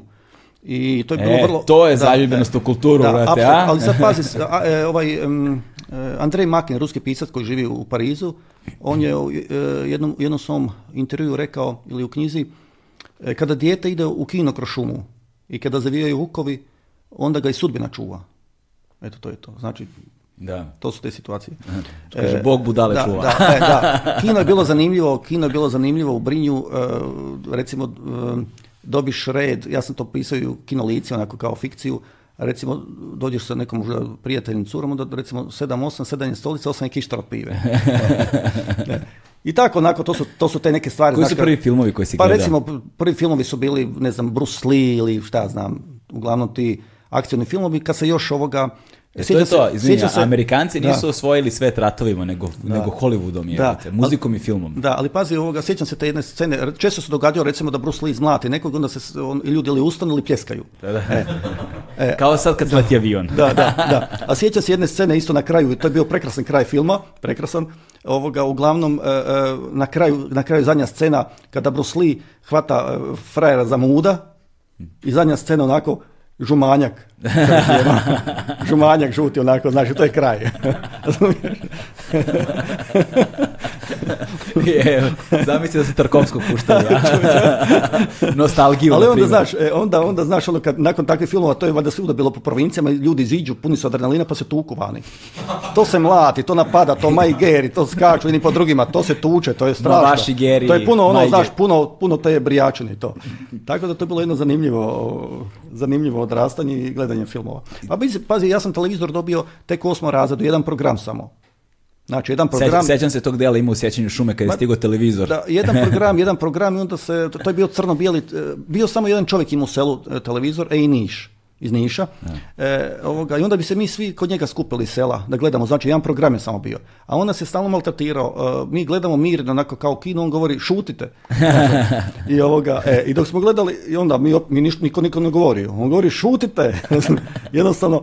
I, a inače, kad, kad bi gledali taj televizor, e, ispod je ležao čovjek, jedan koji je umirao on je bio na samrti. E, I onda mi, ono, gore bila daska, televizor, dole čovjek umire. Onda ja malo gledaš dole, malo gore. Mislim, to su... Koji čovjek je to umirao? Neki, neki čovjek, sad da ga ne imenujem ovoga, stari čovjek je umirao. Tako je prije bilo u, na selu, znači čovjek umire, nije išao u bolnicu, nego jednostavno umira. Ja sam recimo rođen, ja nisam rođen u rodilištu, ja sam rođen doma, u kući. E, znači, znači Da, mislim, ono, čovjek ono leži i umire. Ne znamo kad će, sutra, prek sutra, ali on umire. E, može još A on televizor. a televizor radi gore, gore je svijet, gore je život se odvija i tako, ono. Ali čudo to je, to je, znači jedan program je bio, pa slika snježi, znaš. Onda se ono, znaš, penje se na krov, pa se gleda vamo, pa se nakreće vamo i tako. Onda se pojavio neki čovjek iz Njemačke, moj rođak, i on je donio ovu foliju plavu u jedno selo. Kako foliju plavu? Foliju plavu koju nalijepiš na televizor, ono sve plavo. ja sam pisao sjećanjem šume, znači dođeš kod njega, sve je plavo, čak su i krompiri plavi. to je onako neki nadrealizam. Onda smo odlazili, ja sam odlazio tamo da gledam boji. Ali samo plavo, sve plavo. I kako izgleda da. taj prvi trenutak kad ti, sad ti eh, upisuješ srednju školu u Zagrebu? Ovaj, jesi upisao strukovnu ili gimnaziju? Ili... Ja sam išao eh, dvije godine u Sensku gimnaziju. To je mhm. čuvena gimnazija, bila Senska. Malo koji ličan nije išao tamo, svi su odlazili u otočac jer je škola bila jako poznata. Mhm. Eh, jako poznata i stari klasični profesori. To je bilo strah i trepet koji su te rušili ono, po dvije, tri godine. I nakon dvije godine e, što sam bio u Senju, e, ja sam našao neki prospekt e, kao iako sam volio književnost, knjige, bio sam poznati u Senju, profesoricu sam, bio sam odličan đak, iako sam ono dobro, tad sam učio, u Brinju nisam baš nešto previše učio, ako sam bio dobar, znaju svi da sam bio stvarno... Kada učiš, ono kad si bio umoran od rada. Sam, ali vidio sam u Brinju, znaš, ono, nisam nešto učio, bio sam možda među, naj, neću reći sad najbolji, ali među najboljima, ali kad sam došao u sve, vidio sam da ovdje treba ipak, ono, znaš, truditi se u Zagrebu još i više. Mm. E, tako da sam nakon dvije godine gimnazije sam e, našao neki prospekt tehnolog i htio sam ali iako od poljoprivrede sam strašno bježao i tako, i onda sam jednostavno odlučio da, da idem dalje. On, to je bilo ono, morao si se osmjeriti gdje ćeš nakon dvije godine. Tako da sam ovoga odlučio da, da upišem tu školu, to je poljoprivredna škola za zootehnologa. I ovoga mom starom bilo drago, to jer kao eto, ipak se vraćam se poljoprivredi, vraćam se nekom, kako bih rekao, nekom svom iskom i tako. E, I onda sam sa njim otišao u Zagreb i došli smo na Boronga i znaš kako su škole te u provincijama ogromne, velike. I mi se došli u Zagreb i možemo naći školu. I mi pogledamo, to je sad kvart u kojem ja živim, e, škola je bila neka prizemnica, to je bila prva pekarska škola u Jugoslaviji. I kad je moj stari to vidio, rekao, nećeš ti ovdje ići u školu, mislim, šta je ovo, mislim, ovo je jedna prizemnica tako, ja sam ga nagovorio. Tako da sam u biti ovoga e, studirao tu poljoprivredu tu. Da, da. A mislim, totalno, ovaj, ono, kako, kako, e, pošto kažeš da si, da si, da si, da si uh, muziku, volao film, da si posle hteo, jel te sviraš gitaru i tako dalje, nakon harmonike, Eh, kada si ti zapravo počeo da konzumiraš tu vrstu kulture, kada si došao u Zagreb, tada ti je ona postala dostupna ili si imao uplive toga i ranije pa, u svom znaš, Prije si imao, imao sam tranzistorić pa sam mogao već naš otkrivati intuitivno. Iako sam ja kao harmonikaš eh, dosta svirao po svadbama, po ispraćajima na i tako ja sam već sa skoro 7 godina ovoga počeo svirati. Moj mm. otac je htio svirati harmoniku pa nije imao eh, ovoga nije imao, mogućnosti da, mu se, da se kupi harmonika. Aha, da, znači još teža A pazi, ja sam, ja sam biciklo eh, prvi put eh, imao sa 27 godina, mi nismo imali, ja nisam imao loptu nikad. Da. Znaš, to je, znaš, ono, to je, ni gumenu loptu nisam mogao sebi priuštiti. I ja sam, eh, recimo, sve igrače koje sam radio, radio sam sam sebi od drveta ili bi, recimo, kad bi neko kupio cipele, E, ja bi išao tamo moliti za, e, da mi da kartonsku kutiju. Međutim, neće da mi daju kutiju jer će piliće nasađivati unutra. Da. E, I onda bi ja ipak nekoga izmolio, onda bi donio kartonsku kutiju, napravio bi sam bi crto ba indijance i onda bih ih izrazivao. I to su bile moje, moje igračke. Uzeo bi deku on ambasadorku, napravio planinu i onda bi se tako igrao. Da. Znači, nisam, nisam imao nikakvog e, ovoga. Imao sam samo jedan, čuo sam, čuo sam kao da neki tamo čovjek iz sela, da ima indijanca, malog plastičnog. I onda sam išao tamo i onda me on, to sam u šume, iako je to istinito, ali sam pisao tome, on je to tražio po kući, ovo ono, nije mogao nikako naći, ja mu drva neka cijepo cijeli dan za to i onda našao je to pas od grizu indijancu nogu jednu. Da, da, da, A ja ono sretan, znaš, indijana sa jednom nogom, mali plastični, nikad nisam imao takvu igračku, ono. Došao sam doma, to sam čuvao kao ono, kao boga. I tako da nije bilo tih igračaka, nije bilo... E, a zanimljivo je, znaš, sad kada posmatramo, recimo mi imamo Čerkicu, ono, dve i pol godine i ono, razgovaramo, sad bavimo, bavimo se tim, baviš da, se vaspitanjem dece, ti imaš tri čerke, na primjer, znaš, bavi, baviš se vaspitanjem dece i onda shvataš u jednom trenutku da dete ne može stalno da bude uz tebe, mora nek, nekada bude pušteno samo i da bude detetu dosadno u nekom trenutku, da bi počelo se igra samo jer, jer tako razvija ono maštu, na, na, način, ono, gomila stvari kognitivnih ovako onako se razvijaju da. upravo u toj igri.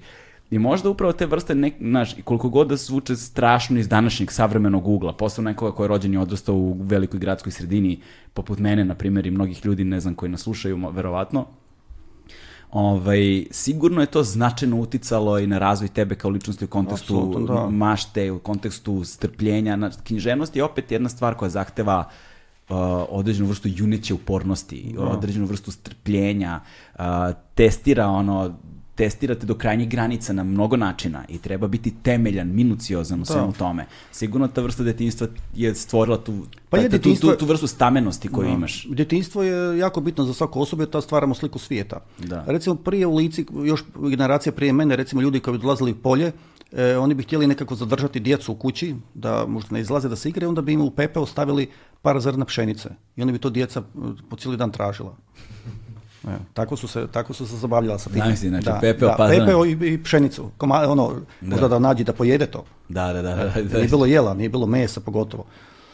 ovoga, i tako da u biti, Dakle, e, dakle ti kažem prve prve utice Aha, ono glazba i to. Glazba da. ima si to, znači malo tranzistor, odlaziš na te pa, vojne isprćaje. Da, malo tranzistor, glazba, ne slušam nešto, znaš sam nekako intuitivno skužiš e, Hendrixa, ono, čuo sam Zazru, E, čuo sam da, da postoji grupa u Zagrebu gdje je basista pada u nesvijest e, i onda se digne, opet svira i tako.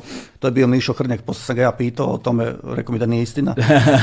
E, a inače ja sad ono nekad, ono i, nekad razgovaram i volim se zezati sa lajnerom, koji bi bumnjar razred, tako.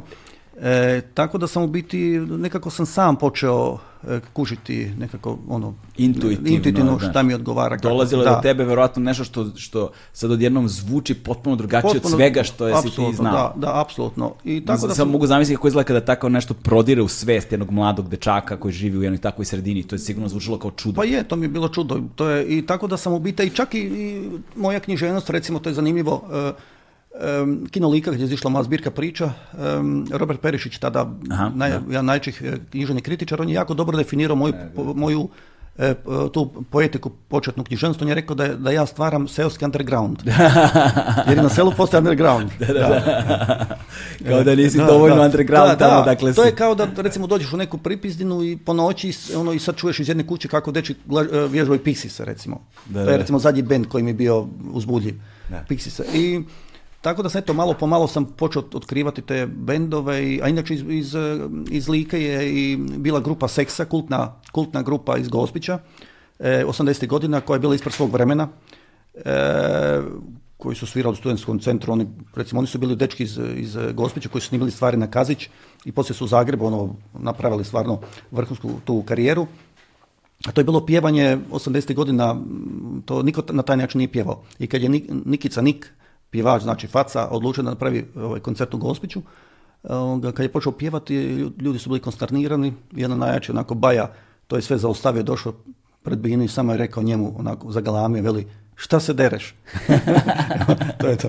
E, e sad ti dolaziš u Zagreb i u Zagrebu u to ono gimnazijskim, srednjoškolskim danima, zapravo ti si sad tu ono u pubertetu, tinejdžer, uh, onaš, otvara ti se ceo jedan spektar svetova, verovatno, u tom trenutku. Koja je to godina? ne mogu sad pamtiti, ne mogu, možda 86. Na primjer, da, to je, To je sad jedan vrlo specifičan period iz Jugoslaviju, vrlo, vrlo, značajan ono, i bio sam, kulturnog aspekta. Da, bio sam u đačkom domu u Zlatko Šnajderu, stare Vlaškoj centru i dugo, dugo je, eh, ovoga, je bilo na zidu i stajalo što sam, jer sam sa, sa ovim ključem eh, napisao lika, tako zvali, lika. to sam napravio na kineskom zidu i onda sam skužio sam se zajebao, Ono, mislim, mogli su me kinezi tamo ono kaznice ostaviti. Jednostavno neki barbarizam izišao iz mene, ja na kineskom zidu, pa rekao idem napisati brinje Niko to nikad nije napravio, znaš ono. I tek poslije skužim jebote, ono šta radiš čovječe, ono, znaš. Ali opet na neki način ti drago, pazi, Brinja piše na kineskom zidu, e. A to nema, znaš. Ono to, to nema ni u snovima, da E, sam o tome sanjao, znaš. Ali zanimljivo, vidiš, bio sam na kineskom zidu, nikad nisam bio na Plitvicama. Kao šta ću tamo, ima vremena, ovo ono danas, gore mi žena, pa kad ćemo na Plitvice, znaš, djeca, pa sad ćemo, znaš, ali ali šta, znaš ono, da, tako da kad je, to. Kad je tu, onda se ne nije, nije, nije, mi toliko bitno ovoga. Tako da sam ovoga, eto, bio sam u tom e, domu, Zlatko Šnajder, i bio je sa mnom recimo, ne znam, možda u Srbiji ne znam, bio je Ivica Đikić koji je poznati e, e, u Hrvatskoj, ono, svjetski znanstvenik. E, bilo je tu nekih, nekih ono... Ali zanimljivo je kada si došao u Zagreb, jel si u Zagrebu beše, si igrao si futbol sa Prosinečkim? Jesam, jesam, jesam, igrao sam, to je bilo kao tu crvena šljaka, a gdje to bilo To je Zlatko Šnajder, znači centar grada, e, Stara Vlaška kad dođete, to, to je sami centar, znači pored katedrale. Aha, to su sad popovi tamo. Da, da. E, popovi su tamo i ovoga i tako da smo mi svaki dan igrali nogomet, dolazio Prosinečki koji igrao tada u ja mislim u pionirima ili juniorima, a igrao je centar hafa u Dinamu. I onako i uvijek ono Prosinečki uvijek bio onako zagrebački mangup i e, ovoga, uvijek se nekako vrtio po lopti, imao te fore, niko nije čak ni tad mislio da bi on sad mogao biti neki veliki ovoga, neki nogometaš. Ne. I onda sam ovoga, kako sam, to je 80. godine, kako sam ovoga, patike su mi bile crvene od te šljake, prašina, čudno su me u školi gledali, kao i onda sam skužio poslije zašto me gledaju, jer niko nije bilo jasno kako neki, neki seljačić iz Like dođe pa igra tenis. da.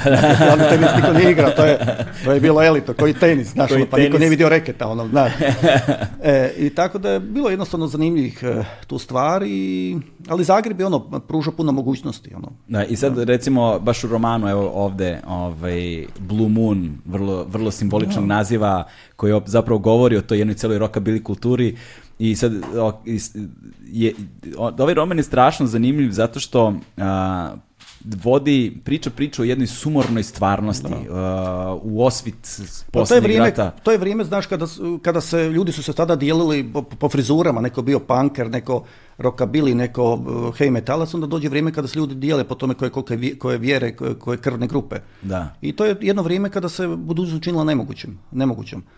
E, znači, to je roman kao rokabiliju, po tekstu je tu ovoga neka potpuno, kako bi rekao, neka vrlo ozbiljna drugačija priča. Boris Liješević, redatelj, napravio i odličnu predstavu koja je bila na repertoaru dugo e, u Kerempuhu u Zagrebu i Zagreb je e, ti godine 80. i sedme osoba bio centar Rukabilija, možda Europi.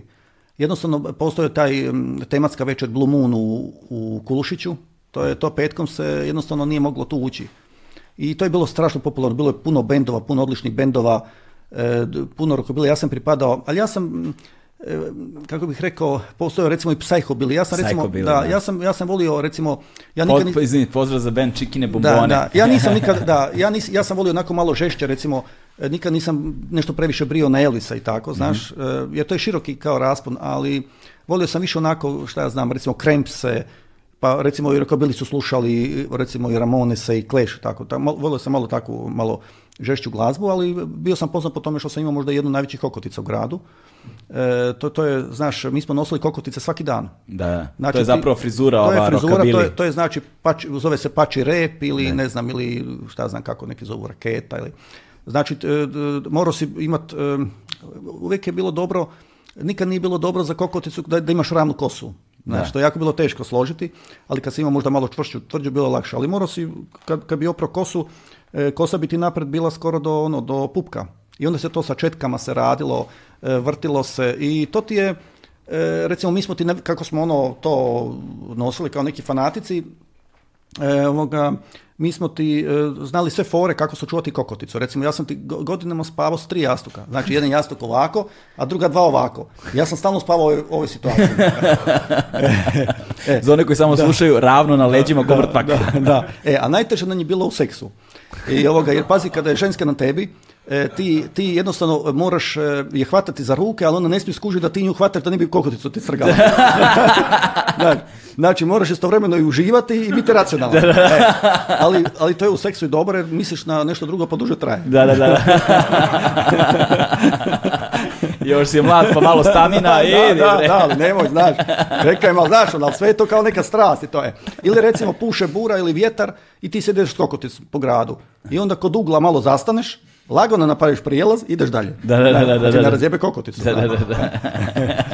E, tako da, I onda je zanimljivo kad imaš jednog takvog lika koji živi u svom univerzumu, u jednoj mikrosredini uh, uh, subkulture, ono, rokabilija, sajkobilija, uh, rock'n'rolla i šta god, znaš, koji živi za ono clash i, i, i, odlaske u Jabuku, čuveni klub u Zagrebu ovaj, dok se Jugoslavija oko njega raspada, znaš, dok, dok ono svet se menja s radikalnom brzinom, ali kao ono odbija da prihvati stvarnost koja se dešava do jednog trenutka do onog tramvaja i tako dalje. koji negde možda i po nekom pa istinitom događaju. da, strašno su se stvari događale. E, ja sam na kraju završio u ratu, mm. jer mi selo bilo na prvoj liniji napadnuto i ovoga, mora, morali smo braniti, morao sam braniti i roditelje i sestru, to je stvarno bilo jedno vrlo teško ovoga vrijeme. E, dakle, ima, imamo situaciju, recimo, jedan, moj, jedan od mojih prijatelja e, s kojim sam se ja družio prije rata, on je završio u jednoj jedinici, ja u drugoj. I mi smo se, on je bio Srbin, otišao je na svoju stranu braniti svoje selo. I mi smo se u toku rata, ovoga, e, bili smo na ratištu i vjerojatno smo ovoga se sukobljavali se i vjerojatno i pucali jedan na drugog. Iako smo bili odlični, koje je to ludo vrijeme. I nakon 20 godina e, sreli smo se u Beogradu, i nastavili smo tamo gdje smo stali, sa smijehom i zajbancijom. Jednostavno, to samo pokazuje besmisao ovoga, svega toga. Da, besmisao svega toga. Ima još, još i situacija da, recimo, nađeš se u Parizu u jednoj sobi i spavaš na istom kretu sa čovjekom e, protiv koga si ratovao, ali sad ležiš krenuti leđima i smijete se. Da, da. Tako da, eto, da, to je strašno čudno. Ja sam, pominjao sam možda čak, i u ovom podcastu, ne, nekom razgovoru, meni je to bilo strašno ovaj, Uh, kada sam prvi put se, se usreo sa svojom porodicom, pošto je moj otac Somalije, i onda sam se sreo sa jednim bratom kojeg sam upoznao prvi put 2010. godine i u decembru 2010. mi sedimo u, ovaj, uh, kod njega i razgovaramo i uh, rat je ovde počeo otprilike u isto vreme kada je počeo u Somaliji. Da, I onda kada su oni bežali iz Somalije, ovaj, u tim izbjegličnim kampovima u kojima su bili po Evropi, ovaj, su se sretali sa ljudima sa prostora bivše Jugoslavije. I onda on meni priča svojim prijateljima, i oni su, kaže, mi smo, sad on meni priča iz ugla jednog ono, Afrikanca, da, koji sad u izbjegličkom kampu kaže, ovaj, mi znamo za zemlju Jugoslavija. To znamo, kao, znaš, i za vreme Tita i nesvrstani i sve, kao, znamo za zemlju Jugoslavije, kao. Ali ne znamo za Srbiju, za Hrvatsku, za, znaš, ne znamo za, ono, Bos, ne znamo za odvojene zemlje. I onda odjednom imaš kao, kaže, to je bilo strašno u tim kampovima, kaže, znaš, vidiš ljude, kao, ali ne, smeš, ne znaš, ne, samo smo se sklanjali od njih, jer ne daj Bože se pozdraviš sa jednim, pa da se pozdraviš sa drugim, ili ne daj Bože za Srbina da kaže da je Bosanac, ili za Bosanca da, kaže da je Hrvat, ili za znači ne, znači ne smeš ništa da pobrkaš i onda mi je sve jednostavno bilo skloni se sa strane i kao posmatraj. Sada su svi oni godinama kasnije veliki prijatelji tako dalje, ali je strašno zanimljivo posmatrati sve te događaje uh, iz jednog potpuno drugačijeg ugla, E, osvetljenog na jedan drugačiji način sa ogromnim vremenskim i emocionalnim otklonom. Znaš, kako, mm. kako za tebe izgleda posmatranje tog perioda sada? Pa Znaš, kao, Neki, kao neki ružan san. Da. Ali mislim da, da sad više ne bi ni, po koju cijenu sudjelo u svemu tome. Ono. Da. Ali tad sam bio mlad i ne može biti preventivan. Jednostavno, selo ti napadnuto, bacio na njega granate. Još nije ni počeo rat. E, znači nije počeo rat, e, u Brinju su kod žute lokve ubijeno je četvorica policajaca s kojima sam išao u školu, to su mhm. mladi momci, ubijeni su iza leđa, jedan je uspio se spasiti s teškim ranama, a ubili su ih e, ljudi isto s kojima sam ja od nekih išao u školu. Da. Tako da... Kako izgleda ta promjena u ljudskom biću, pa to je, način na koji se to transformiše pa, i menja. Pa recimo kad, kada uđeš u taj rov i, i jednostavno prvo vrijeme mi se činilo kao da sam u nekom filmu, da se snima film. Jer do, još do prije par dana si plesao tamo u Kulušiću na, ne znam, na, na Pixise i sad se jedan put ovoga, ne možeš drugačije misliti nego da se snima film.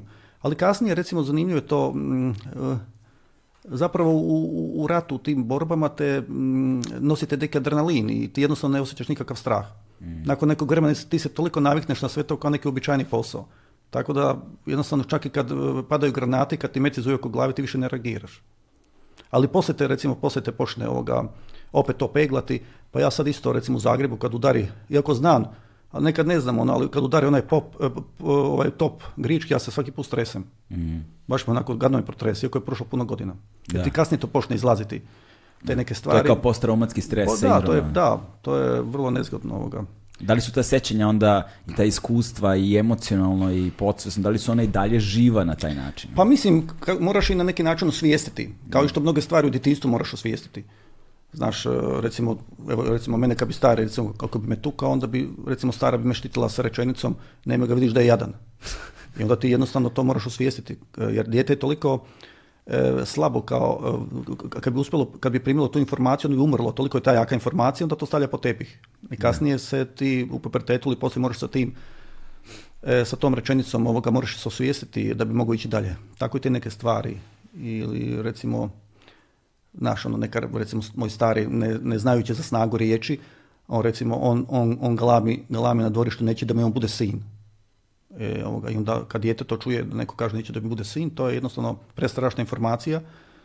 A normalno on nije, o tom ni sad ništa loše mislio, ali to je za dijete, ovoga, on, dijete se mora sa time ovoga, zašto, zašto ljudi ovoga počnu piti, zašto, pa sve je skriveno djetinstvo, zašto se počnu drogirati, to je, jednostavno moraš sa tim izići na kraj. Tako i sa nekim ovim stvarima, moraš to osvijestiti. Ali kažem, ponekad jednostavno ne, ne možeš biti preventivan. Mm. Ponekad, kako bi rekao, kako ali, sad... Ali zanimljiv način na koji, znaš, mislim, da, prošlo je dosta godina od rata, znaš, ali na neki način i politikama zemalja, zahvaljujući politikama e, zemalja u kojima živimo, e, zahvaljujući svakodnevnom, ono, dnevnom spinu, da. upumpavanju tog nacionalizma veštačkog koji imamo u svim bivšim republikama i tako dalje, ovaj, iako su ti ratovi prošli, oni da, njihova stvarnost na ne, mnogo načina i dalje snažno živi danas. Mi i dalje živimo o mitu, o velikoj istini za drugog da, svjetskog rata, znaš. A kamoli... Pa zato što stvari nisu ovoga... Nismo razrešili ništa, da. Ali živimo u jednom stanju loše beskonačnosti i mm. ja ne vidim tome kraja. I, I vrlo mali broj ljudi zapravo na neki način uspelo to da ostavi iza sebe, znaš. A ti kao neko ko je čak i učestvovao u ratu bio, kako je, na koji način si ti zapravo uspeo nekako to da ostaviš iza sebe? Pa ja sam nastavio, znaš kako, u, u ratu se, neki ljudima se ništa u životu očito nije dogodilo osim rata. Što bi mm. oni bili bez rata? Tko bi oni bili bez rata? Prodavali bi, ne znam, ono, možda nekakve švercali gaće na, na, na tržnicama. I tako da u biti, pa mislim, eh, pa što se, nevjerojatne stvari su se događale ono i nakon rata, pa imao si, imao slučaj, recimo tih lažnih branitelja, imao si slučajeva da se ljudima ugrađuju geleri pored kičme, e, samo da bi dobivali penzije. Ujevac. Da. I ovoga. Tako da tu ima više ne zna se ko pije, ko plaća, ali jednostavno ostaviš taj period iza sebe, ideš dalje. Nastaviš nek, normalno živjeti. Ja nisam od rata ništa dobio, nisam ništa ni tražio, ne zanima me to. Ja sam nastavio neki svoj normalan život. Da. Ovoga, vratio sam se, vratio sam se, e, mi koji smo bili u ratu smo dobili, ja sam još studirao, dobili smo ove psihijatrske ove potvrde da možemo živjeti u samicama i tako da sam to, bio sam u toj samici. Kakva samica? E, to su najbolje sobe u studentskim domovima, znaš kad si sam. samica, da, ali samica ne zvuči dobro. u Moši, da. E, a u Moše pijade? Da, Moše pijade sam bio tamo i eto, slušao sam majke i izlazio sam u Jazovku. U Jazovku jedno mjesto nevjerojatno kao da si sišao sam pakao, to je bilo mjesto na, baš ono na Cvjetnom u centru grada gdje su bili potpuno luđaci, sve puno droge, sve puno ludila, ali fantastična glazba. I, Gdje je puno droge, obično fantastična, fantastična glazba. da, da. Tamo sam upoznao i svoju prvu ženu. Tamo sam upoznao svoju prvu ženu. Zapravo sam, e, nisam znao šta ću tako, htio sam, trebao sam diplomirati, odlučio sam vjerojatno da idem van negdje, da otiđem, da pobjegnem od svega toga. A šta si, gdje si diplomirao? nek, ostane nešto i tajna. Studirao sam od dva, tri fakulteta, ali nešto sam ipak uhvatio, jer mi je stari mi nije htio da se vratim doma i tako nije mi htio dati jaknu, ono, pa sam to, diplomirao sam, dao mu tu diplomu i onda sam neke stvari uzeo tišuća. E, i nešto potpuno, ali kažem, nek ostane to ovoga, tajna. E. E, nešto što ima veze sa pravom. I onda sam, e, bio sam u toj i tako, ono, to je bilo baš onako potpuno suludo, 94. godina, treća, ono, zastrašujuće vrijeme, bez novaca, bez parice, vojnici koji igraju bilijar sa puškama, e, sve puno droge, narkomana, ludila. I tu sam vidio neku djevojku, kosu djevojku, E, koja je sjedila sa prijateljicom i nekako već mislio sam da će mi vjerojatno biti ona cura. Već sam se vidio ku nekakve slike ti kao u kaubojskim filmovima. Sjedim u limenoj onoj bači punoj vode i ja, ona, ona jednoj strani, ja na drugoj samo nam koljena vire. Da, da, da. I međutim, e, bila je nekakva racija i ubacili su na sumaricu, tu sam ja i svoju prvu ženu upoznao i koja se isto ono voljela je glazbu i svirala i tako. I onda sam sa njom sam ovoga, sa njom sam, e, kako bi rekao, počeo hodati i bilo nam je lijepo i dobili smo čer, razveo sam se i tako je priča išla dalje. Da. Na neki način ona išla svojim putem, ja svojim. E. Ovaj, e. Počeo sam, pardon, počeo sam raditi, e, počeo sam raditi iz Zagreba sam otišao u Crnu kroniku, počeo sam raditi honorarno za večernji list. ali nisam ono, nisam, nisam znao pisati, i onda sam sjećam se kako nisam znao napisati jednu vijest e, od pet redaka, onda sam nju zvao, pa onda došla na gradilište sa onim stomakom i sam mi to pokazala i tako. E, na kako gradilište? Ma, nekom gradilištu sam trebao neku vijest napisati o nekim drvoredima u jesen je bilo. Ono. E, ja sam počeo raditi u gradskoj večernjem i bio je tad neki, neka zvijezda e, gradske rubrike Damir Kramarić. I on je bio zvijezda, i, ali prije se ljudi u večernji listi bila ozbiljna novina, to je tiraža bilo 400.000. Najjača gradska rubrika, nije bilo ni jutarnjeg ničega, to su bile glavne novine. Da. I, ovoga, I onda je, e, kad bi dolazili recimo ljudi tamo raditi u gradsku, kada da ih probaju, nisi mogao se samo inicijalima potpisivati. Niko htio, nije htio da ti objavi prezime da ulažu u tebe, jer će te odjebati brzo ono. I ovoga, tako sam ja počeo pisati te neke vijesti, ali dali su mi da radim, da pratim, da izvještaj rekonstrukcija ulica, ali to ti ono zajebano pisati, ne možeš složiti rečenicu. To je sve neko tehnički termini, ona, ja ono počeo stil fura ono, a, a tebi inicijali isti kao Slušaj, ja on, on DK, ja stavio DK. I ovoga, ja sad objavio dva, tri teksta, njegova reportaža stoji na oglasnoj ploči kao primjer, on je velika zvijezda, a bio na moru. I ja sad onako mjesec dana zvoni meni telefon. Ovoga, ja kažem, halo, koji? On kaže, ovdje je Damir Kramarić. Ja kažem, dobar dan, izvolite. On kaže, slušaj momak, promijeni, pre, promijeni inicijale, Ja kažem zašto? Pa zašto? Čovječe, svi su mislili da sam počeo loše pisati. znaš, jebo sam usipavam u karijeru, znaš, da, šta, je, s ovim Kramarićem? Znaš, ono, pa taj bi on neka znao pisati, sa pojma nema. I ovoga, tako da sam se ovoga, tu sam neko vrijeme radio u gradskoj, poslije sam otišao raditi e, crnu kroniku u, Split i to je bilo vrlo zanimljivo iskustvo. Crna kronika je, to je onako i psihološki vrlo zanimljivo. To je ona priča, znaš, e, znaš ono, imaš susjeda kao ono, kao ubije ono pet ljudi, onda pitaju kakav je, oni svi kažu super je bio. Kakva se tajna či, e, čini u mozgu. Inače su, Crnu kroniku su radili ovaj Mario Vargas Ljosa i Berhard je radio Crnu kroniku, tako da je to i tu sam radio dvije godine, tri godine tu crnu kroniku, i, ali to je bilo ono, kako bih rekao, e, nakon nekog vremena kad počneš to raditi, ti počneš na honorarno kad radiš, onda ovisiš o mrtvima. Da, uje, znači, da, znači što više mrtvih, onda ti počneš e, kao posvjesno veseliti to, znaš. Da, Jer, pazi, ti ako nema mrtvi, nema para. Da, da.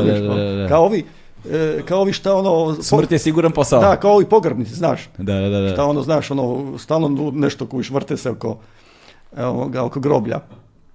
I tako da sam imao, u Crnoj kronici sam imao nevjerojatnih događaja, znaš, imao sam gospođu koja mi je skoro umrla u intervju je umrla, e, prilikom intervjua onda sam imao ono, ono umire, mi idemo raditi intervju, ona umre, jebi ga, znaš, ono. Čekaj, umrla u toku intervjua. Skoro gotovo je ono, ja idem nešto pitati, ona umre. I takvi su slučajevi imali u Splitu, da. da, Imali smo onda slučajeve da ja i fotoreporter Tomislav Bekovac, da, su, da je čak čovjek i pucao za nama, svašta je tu bilo. E, možda je naj, najradikalnije bilo e, ovoga pisati o, o situacijama sa drogom, znaš, jer je Split je luka i lučko mjesto i e, jedanput sam, jedan sam dobro prošao zato što je Milivoj Bader mi je rekao glumac iz ekm koji je bio sa mnom cimer, e, on je vraćao se doma navečer ja, e, negdje oko dva sata i čekali su ga tipovi u mraku i pitali su isti karakaš, on je rekao nije. Ali ipak e, nadrljao sam jedanput jer su mi slomili ovoga, udarili su me štangom ovoga u glavu i tu sam bio sam u bolnici ono, i do, to sam preživio kao. Tako da je to bilo vrlo nezgodno zaraditi, ali nakon nekog vremena počne ti se kotač tako brzo vrtiti da moraš to napustiti ono. Da. Da moraš toga otići. Tako da sam, da sam otišao sam u kom trenutku se pisanje zapravo dešava u tvom životu? Pa ja sam, eh, ja sam eh, kako bi rekao, i, svirao sam dosta, eh, crtao sam dosta, puno sam čitao, ali ja sam i prije nešto uvijek nešto zapisivao, ali znaš zašto, baš sam jučer s frendom, s razgovarao, zašto ja recimo nisam počinio pisati, nisam imao pisaće mašine, odakle mi je mašina? nisam htio na ruke jebi ali možda mi je važnije ono da kupi neke tenisice, ono, nego pisaću mašinu, pa mašina je koštala ono, ko bi mi dao za mašinu. I tek kad sam zapravo došao u tu redakciju, bilo su pisaće mašine, tek sam tad počeo ovoga tući na tu mašinu, dopalo mi se to iskrene riječi i tako sam nekako počeo. I znam, kad sam napisao jedan književni tekst, da je jedna moja prijateljica novinarka Marina Rajčić, da je ona, koja je bila ona iskusnija od mene starija, ona je rekla ovoga, da ti ne, ne bi se smio baviti novinarstvom, nego se trebaš baviti književnošću. I tako da sam tu počeo. A vidiš, uvijek je važno da imaš nekoga da te prepozna. Pa eto, ona mi, recimo, to je zanimljivo, ona mi to ovoga rekla i tako da sam eto, ali dan danas ja pišem sa mašinom. Stvarno? E, pišem sa mašinom zato što je mašina, e, misao se drugačije strukturira. Recimo, e, kompjuter te zove na brzinu, a, a mašina ipak, kako bi rekao, razmišljaš o, razmišljaš o, o tome šta ćeš napisati puno više i ja volim tu glazbu, tu muziku. Recimo, kad sam išao u Senj, bio je jedan razred gdje su, je bilo 30 cura koje su e, kucale na mašinu sat vremena. I to je meni bila božanska muzika. Kad bi čuo taj zvuk, to, to, to, to, to, znaš. Da, da. E, tako da ja volim, volim e, te mašine i radio sam recimo i proslavu sam radio na mašinu. E, ovoga, radim ja na, na, na razne načine. E, radim recimo kad radim tekst. A to, zna, to znači da ti onda moraš fizički rukopis da kopiraš, pa, da šalješ, da naš Gledaj, pisanje, pisanje na pisaću mašinu to je bilo u bivšoj Jugoslaviji tretirano kao težak fizički rad. Znači žene koje su tako je to tretirano recimo e, daktilografkinje. Ovaj, daktilografkinje, recimo to kad učeš počne se boliti ramena ovdje, to je jako je teško. Ne ono električni, to samo ove baš e, ja sam ti kad sam radio ovaj sad novi tekst, radio sam ga u samostalnom Svetog Frane na Cresu i pustili su me ovi popovi unutra i mislim da su poludili od mene jer ljudi su zaboravili taj zvuk jer ja sam totalno tukao to mislim znaš to te zamisli sad to je ono kao da ti ono kapa kap eh, na glavu da, su bili sretni da sam otišao a ovoga, ali na, Čekaj, si završio novi tekst? Jesam završio sam novi tekst, zove Sokrati, što možemo poslije o tome. Ajde, to ćemo na e, kraju. E, može, da. I tako da sam ovoga, e, počeo sam pisati, radio sam neke tekstove e, i onda sam, objavio sam, objavio sam knjigu Putopisa Bosanci su dobri ljudi jer sam ja lutao dosta po Bosni za vrijeme rata, imao sam iskustvo i tako. I jedanput sam bio u Bugojnu, e, bio je rat i imao sam fotoaparat i ušao sam u jedan, jednu staju i dva mala Rom, cigančića Rom, Roma, e, nisu znali šta sam ja, jesam ja vojnik, koji su, vojsi pripadam i iz, su izletili, jedan je držao dva prsa, drugi tri. E, ja sam to slikao, to je naslovnica te knjige. I to sam objavio, objavio sam, bio, imao sam dobru čak i tu kritiku Feralu tada i tako. I nakon toga sam odlučio da napišem roman Kombetari. E, dugo sam na tome radio, recimo, ali to, to nije baš e, dobar roman. E, jednostavno, ja sam se referirao tu na Alana Forda e, i išao sam tu nekako malo ono pretjeranu poetiku. to je roman o ratu. Znam da su me neki ljudi koji su bili samo u ratu zvali me, E, da im dam taj roman i onda je jedan počeo to prodavati, onda je poslije me zvao panično da ga hoće ljudi on tamo ubiti, traže novac i to. Znači, to je, da traže novac nazad. Da, znači, to je bilo potpuno neka drugačije tretiranje e, ratu kao absurdu. Da, da, da. E, mislili su sad ljudi da će ja sad raditi nekakve, znaš, domoljubne te priče. I ovoga, sad samo da, da ti kažem... Da, dakle, tebe od starta počela da, da bije po, taj glas, da, jer ti... Po, gledaj, nekako sam uvijek pokušavao sam, e, uvek, sam, me zanimalo e, nakretati neki drugačiji rakurs ili vaditi nekakve stvari, e, osjetljavati, tražiti nekakve posebne kutove. Tako sam uvijek nekako mm. funkcionirao. Nekako da, da u ženosti nekako ona ima samim tim vrijednost ako pokušaš pokuša stvoriti nešto novo. I tako da sam Drago Glamuzina, urednik e, VBZ, on me zvao za kombetare prije godinu dana, taj moj roman, a da, da, da kažem ovo, bio je u Splitu, e, bio je u Splitu ovaj, e, sad je on konceptualni umjetnik Milan Brkić iz Gospića, stari od mene deset godina, odličan momak, međutim on je cijeli svoj život posvetio ovaj Kafki. I dosta se onako furo na Kafku, izložbe Kafke i tako, i sad je bi ga, on je u Splitu došao prije mene. I sad izišlo je poznatim novinama, izišla je kritika, E, mog romana Kombetar i kritičaru se dopao roman i napisao naslov da je to odličan crnohumorni roman Ličkoga Kafke. I sad jebi ga, sutra dan me zove Brkić, nije bilo on tad telefonovo ono, taj Brkić stari od mene 10 godina, mi ličani u Splitu, da donje hitno na razgovor. E, negdje, i mi se sad tu sastali, kužiš ovo, ono, on je ljud, bijesan. I mi onako sjedimo, pijemo, sad ja čekam šta će biti, jebi ga, ono, a on onako udari šakom u stol i kaže o meni, slušaj, veli, nisi ti lički kafka, ja sam lički kafka. Ja kažem, dobro jebi ga, nemoj se ljutiti, ja kažem, ja ajmo onda, ja ću biti lički Hemingway, znaš, da podijelimo, znaš. E. e, I ovaj Glamuzina me zvao, htio da objavi prije godinu dana taj roman Kombetari i ja sam išao čitati, znaš. I ono, da vidim šta je to lijevo desno i kužiš vidim da to baš nije dobro. I rekao sam, slušaj, nemoj se ljutiti, ali meni to nije dobro, neću da objavim. Ali on mi je zanimljiv kao, E, kao neka za proces e, u kontekstu tog to nekog cijelog rada, da možda nije bilo njega, iako on ima tu neku energiju i to neko ludilo, ali ipak je to, rekao bih, e, onako čini mi se da je onako malo nezravo, ne, ne, ne odgovara mi to, nije mi to bilo, nije dobar roman, mislim da to nije dobar roman. Dobro, prvi tekst je, znam. To je prvi ono- tekst je taj nekakav ovoga prozni i Mislim, uh, zanimljivo je isto tako kada je, kada je, su prvi put uh, Kafkina sabrana dela bila da. objavljivana, pošto je on pisao na nemačkom, da, da, i onda su zvali Tomasa Mana u to vreme da, da. piše predgovor za njega i on ima zapisano negdje u nekom intervju, to je strašno zanimljivo, to je ta, ta, ta, ta ironija kao stilska figura Tomasa Mana, kom se on obila to koristio kada su ga pitali da napiše predgovor za Kafkina sabrana dela, on je njima odgovorio, a to beše onih humorista. Da, pa gledaj, u to vrijeme, gledaj u to vrijeme, u to vrijeme Kafka kad je čitao, oni su čitali svi svoje tekstove naglas, znači oni kad je čitao preobraž, oni su se svi valjali u smijeha. Da, da, da. To je bilo strašno smiješno, on je bio, kako bi rekao, on je vrlo duhoviti i erotičan. Gre, Gregor Samsa. Apsolutno. E, ali baš sam čitao sad od Borgesa nekakve tekste u Kafki, nekakve seje gdje on isto kaže, znaš, ono, kad bi nekog htio uništiti svoje tekste, on bi uništio, ne bi govorio nekom drugom da ih uništi. Tu je bio Max Brod koji je njemu tu slago, ta poglavlja, kako bi rekao, nova poglavlja, nekakva dopisiva i tako dalje sad. Mm, e, kako bi rekao, imaju sreću da je pisao na Njemačku i da je tu bio ovoga Max Brod, iako kažem, Kafka fantastičan pisac. Ono što mi najviše se dopada kod Kafke, to je njegova riječ strpljenje, to je kod njega jako bitno jer zapravo ljudi danas nemaju strpljenja kod pisanja, samo žele što prije izbaciti, objaviti. Da, ti se vratim, znači nakon kombitara sam, eto to je neki moj prvi pravi književni rad Kinolika. Mm. E, eto, to je, tu sam na neki način i probio tu nekakvu priču, jer sam ja bio van svih klanova, u to vrijeme je bio FAK, e, jedan knjižni pokret, e, jako popularan u Hrvatskoj, E, medijski jako praćeni, znaš ono, kogod je nešto značio u književnosti bio je u faku. Ja sam možda jedini koji je bio pozvan, a nisam nikad nastupio na faku. Tu su se neki ljudi oženili preko faka i svašta je tu bilo. Jer to su bili, znaš, ono, druženje nekakva, ono, pune dvorane, to su bile kao rok zvijezde. I, onda imao sam promociju u Zagrebu, u Đuri, tu sam svirao i promovirao sam kino like, otišao sam za Bordeaux.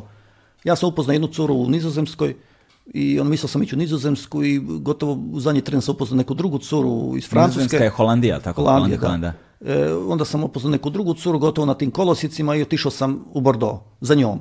Nisam uopće znao gdje idem, e, znaš ono, uzeo sam harmoniku, sve sam napustio, apsolutno sve, sve, znam, e, bio sam znam, imao sam malu sobicu, to sam ovoga e, otkazao, uzeo sam harmoniku, uzeo sam nešto sitno love, nisam znao ni jezik jer sam na, na, na faksu učio njemačku koji je nepotrebljiv, engleski nisam znao, Francuski nisam znao, znači ja sam išao u Francusku, u Bordeaux, znači tamo daleko na ocean, bez ikakvog znanja jezika.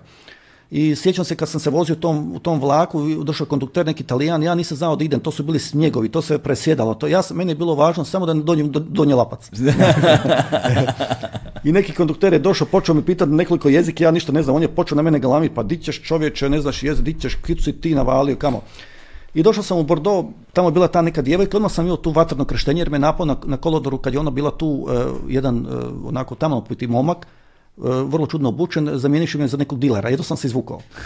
E, I ovoga, Bordeaux je vrlo zanimljiv grad, Danilo Kiš je bio tamo lektor, inače je, kako bi rekao, to je drugi, ja mislim, treći grad u, u, u Francuskoj, i tamo sam, to je bilo vrijeme kada se baš mijenjalo euro i, i ova i e, Franak. Da, Franak. I ja sam se, ono, izvježbao sam se, izvježbao sam se u, dok sam bio malo u Splitu, htio sam svirati taj jedan lički, ovoga, ličku tu varijantu, nekakvu, neke glazbe i nisam znao kako će me prihvatiti, sjećam se i snijeg je padao i tako. I počeo sam svirati i nevjerojatno su me ljudi odmah počeli gotiviti, davali mi pare. A e, svirao? sam na, u Bordovu. O, imaš ono neka mjesta u centru i to. A misliš na ulici to? Na ulici, da, na ulici, da. I sjećam se, sjećam se, to je isto zanimljiva scena, evo on je svjedok i živ je pošto iz Splita imaš dosta ti ljudi koji plove, koji znaš, ja, kad sam, a on je mene znao iz Splita, i on je vjerojatno bio napušen. I čovjek je naišao, je prolazio tu, kad je mene vidio, on je pobjegao. je mislio da sam poludio, da je poludio. I nije mogu jednostavno vjerovati, odakle ja tu sa harmonikom. Znači ono mjesto gdje nikad niko nije ni dolazi, ni nema potrebe.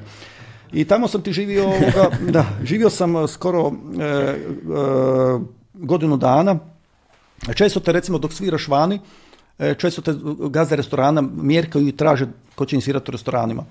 I ali ja sam onog bio ponosan svirač i recimo zvao me jedan gazda Viktora Igoa i on je mislio kad mi to kaže će biti sretan, ja sam ga odjebao kuš. Ali on me nakon toga cijenio, znaš, jednostavno nisam htio. A međutim, došao neki indijanac, zvao se Miloš, nema već sa Srbima, neki iz Perua, ono, ne znam odakle mu ime Miloš. Ono. I, I, kaže on meni, imam ja neki prostor, jebi ga, ono, hoćeš ti kod mene svira, znaš, ono. ja kažem, pa ajde, jebi ga, da vidim, da vidim šta je to kuš, ono.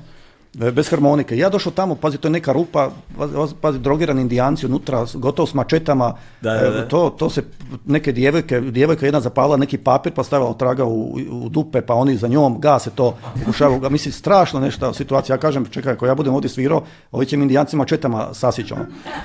I ja kojiš tamo na uglu šanka sam pio i dođu tri frajera, opasna tri tipa.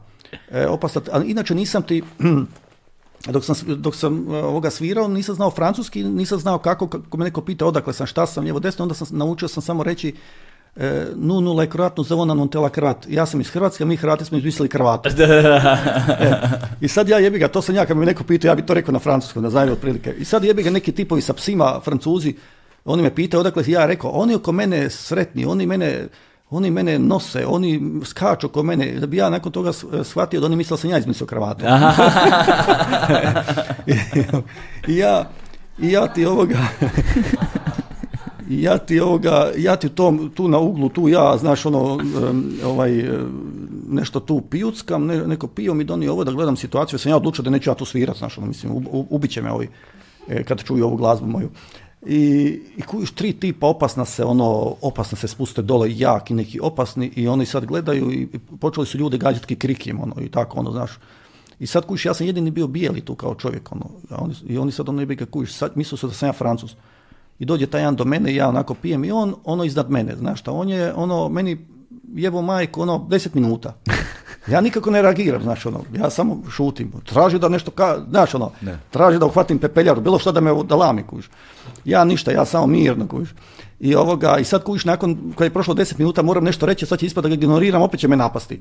I ja u onom trenutku, ja, ja se okrenem prema njemu, ja kažem, a to je značilo u prijevodu, ja njemu kažem onako facu, ja kažem, gospodine, ja sam Hrvatska. A on kaže, ja sam samo čuo kao, kao zablokira čovjek. Ne znam šta da radi više sa mnom. ono, kao da si, i on ništa ne zna, šta će sa mnom, razumiješ, znaš ono, odakle sam ja, kao neće da me tuče. ono, i ništa, i kao odeća. Tako da me spasilo, što sam bio Hrvatska. Znači, a što sam bio Francus, dobio bi batina.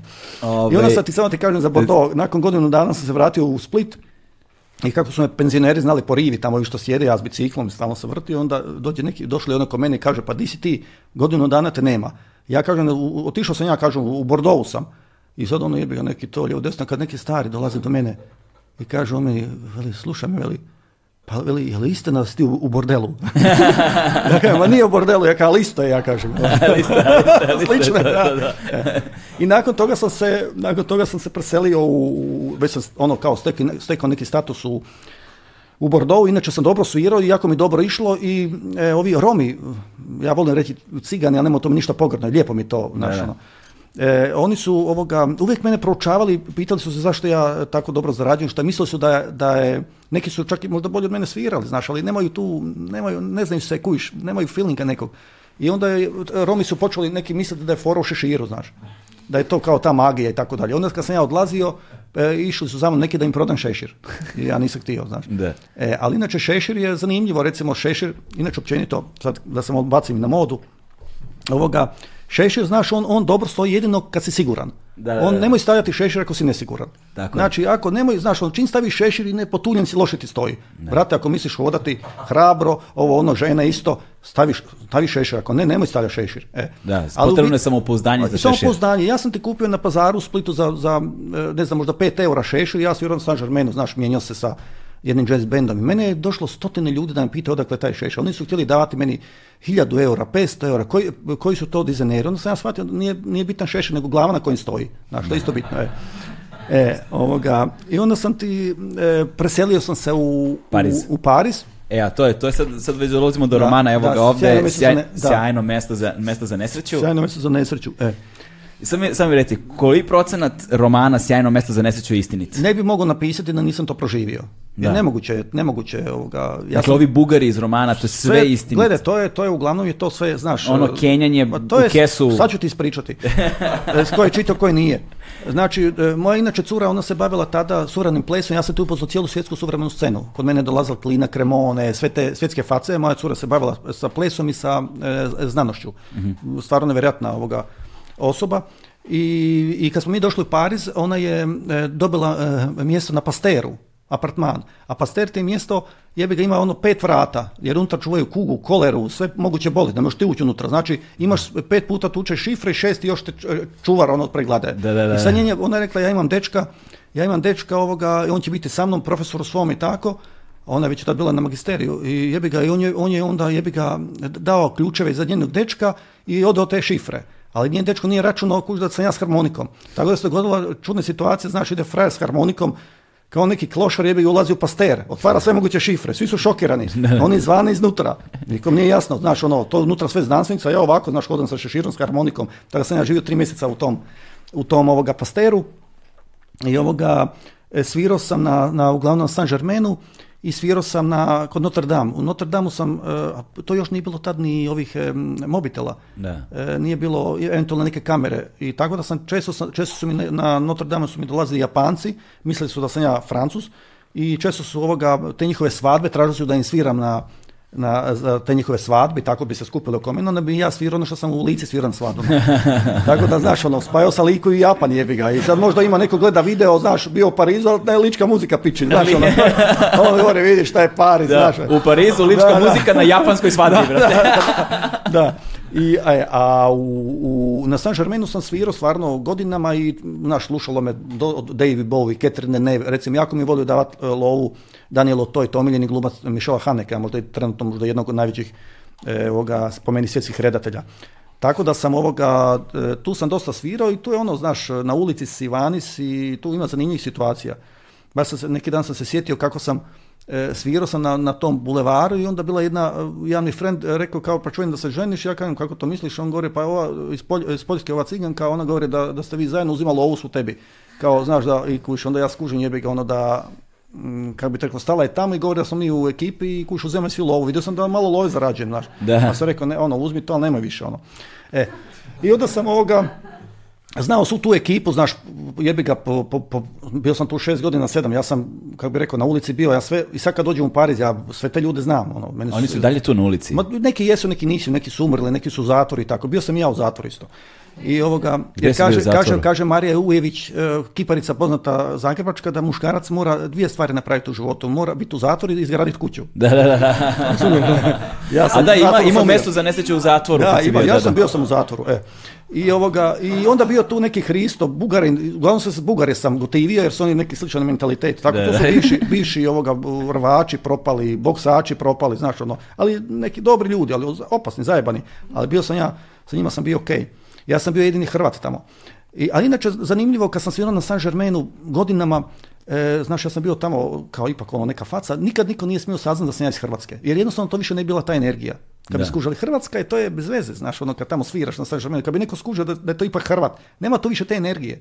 Tako nikad nije saznao neko da sam ja Hrvat, su mislili da sam Francus ili eventualno da sam neki Amerikanac. Eto, eto, ti postkolonijalizma. Pa ono. Pa je, oni to ne, znaš, kao Hrvat mi tu svira na sajžu, nema me jebati. Ono, znaš, ono, E, znaš ono, kužiš, ne može to tako, znaš ono, di će, di ono. Na dođe sad Amerikanac u Pariz i samo, znaš, Hrvat mu svira na San Germain, on se s njim slika, znaš li to, znaš, sluša ga to. I, ovoga, I onda sam ti... Jedino gore Srbina. da, da, e, sad ću ti reći. Znači, ja sam, ja sam ti znao sve moguće varijante po Parizu, znači, e, gdje tko stoji tako. Recimo, na Montmartre tu, ima 10-15 e, momaka, oni su iz Srbije i Crne Gore. I oni trtaju na stoječki. Ja sam ih znao, samo su bili ok.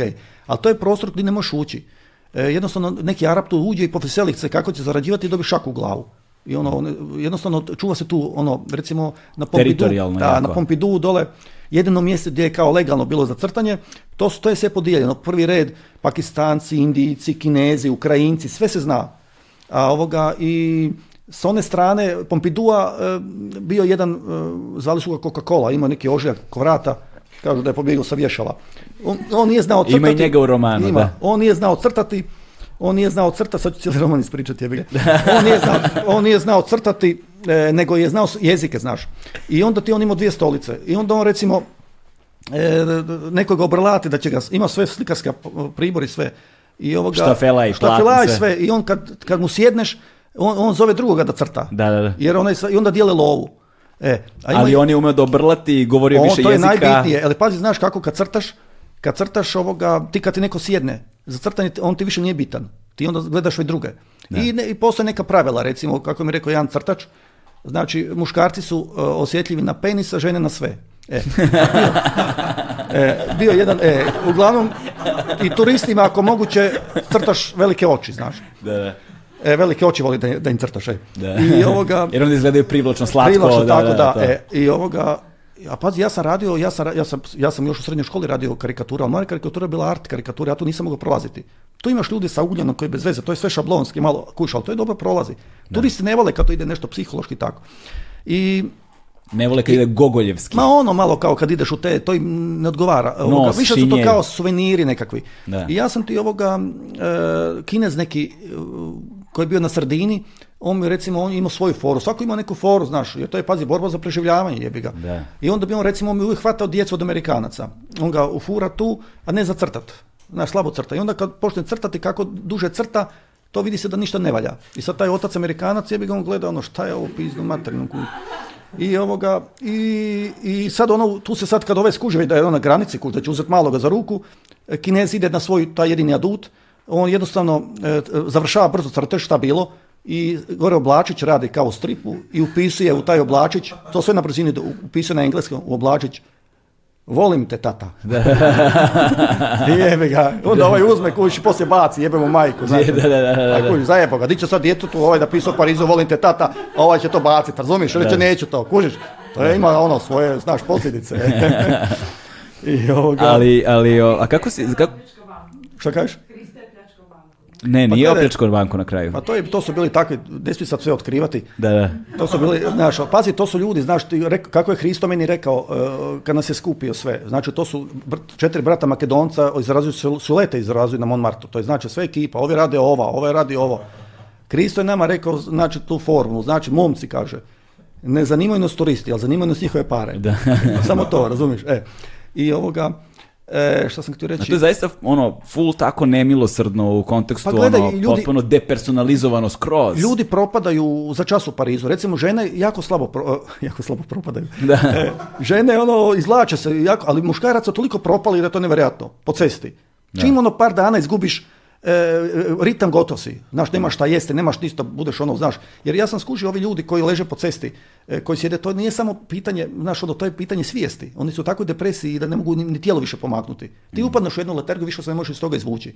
Čim svane, znači ti ljudi koji se još bore za uspjeh, to kreće, znači mene zanimljivo kako makina, ja sam to počeo raditi, znači ono, ideš e, s prstom, da li je ostao neki novčić onima automatima za parkiranje, ono, znaš, to sve makinalno radiš, znaš, ono. ti imaš sve moguće sve moguće fore, znaš, ono, e. e sve po automatizmu, sve, sve po automatizmu, da. E, I I ali, ali, ali sjajna je ta paralela, znaš, kad povučeš ono, naš brinje, ono, selo, li, znaš, to, vukovi, medvedi, tu, to je... sekira, nož, a onda ovde prst po automatima. Gledaj, to, znaš... je, to je najbitnije da, da ne završiš na psihijatriji. Da.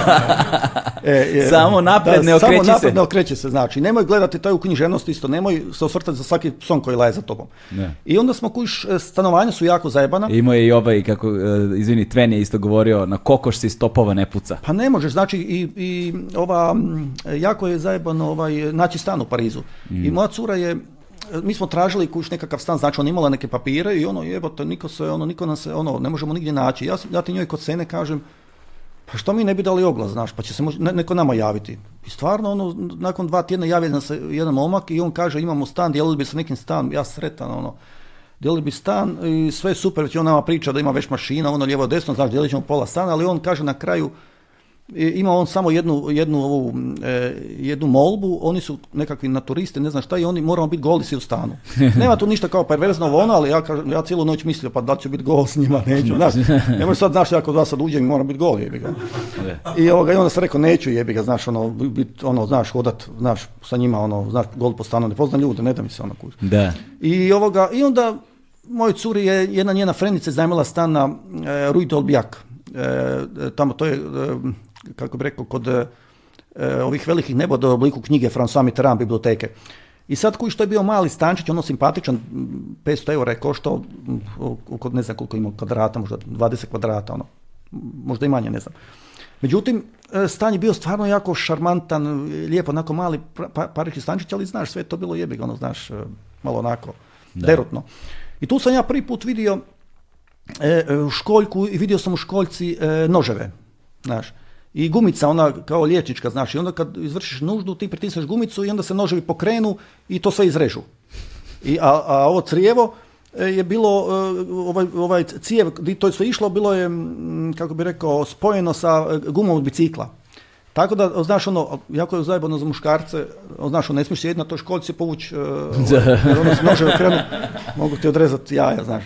Pazi, komplikovan e, mehanizam je. Komplikovan mehanizam, ja ono, pičku matru ja kažem, šta je, nisam to nikad vidio. I, a inače, kad to prolazi, znaš, ono, ide, ide, ide, ja gledam, ja, znaš, ono, ja jebi ga, ono, zatvorim vrata, već virim, znaš, ono, to ide, ide i onda se napuhte, to, znaš, ono, dok to prođe sve. Da, da. I bogati, nakon, nakon, ne znam, oko 3-4 mjeseca sve to pukne pun stan govana, ona, šta, nemaš, di, di ćeš, kako ćeš, ovoga, šta. I ja jebi ga, ono, znaš, zovem nekog Arapa, kužiš, ovoga, da mi to, kao neki vodeni stalater, frajer se pojavi, briljantinu kosu i bijela trenirka i ima, ima ove kombinirke, one kopinceta malene.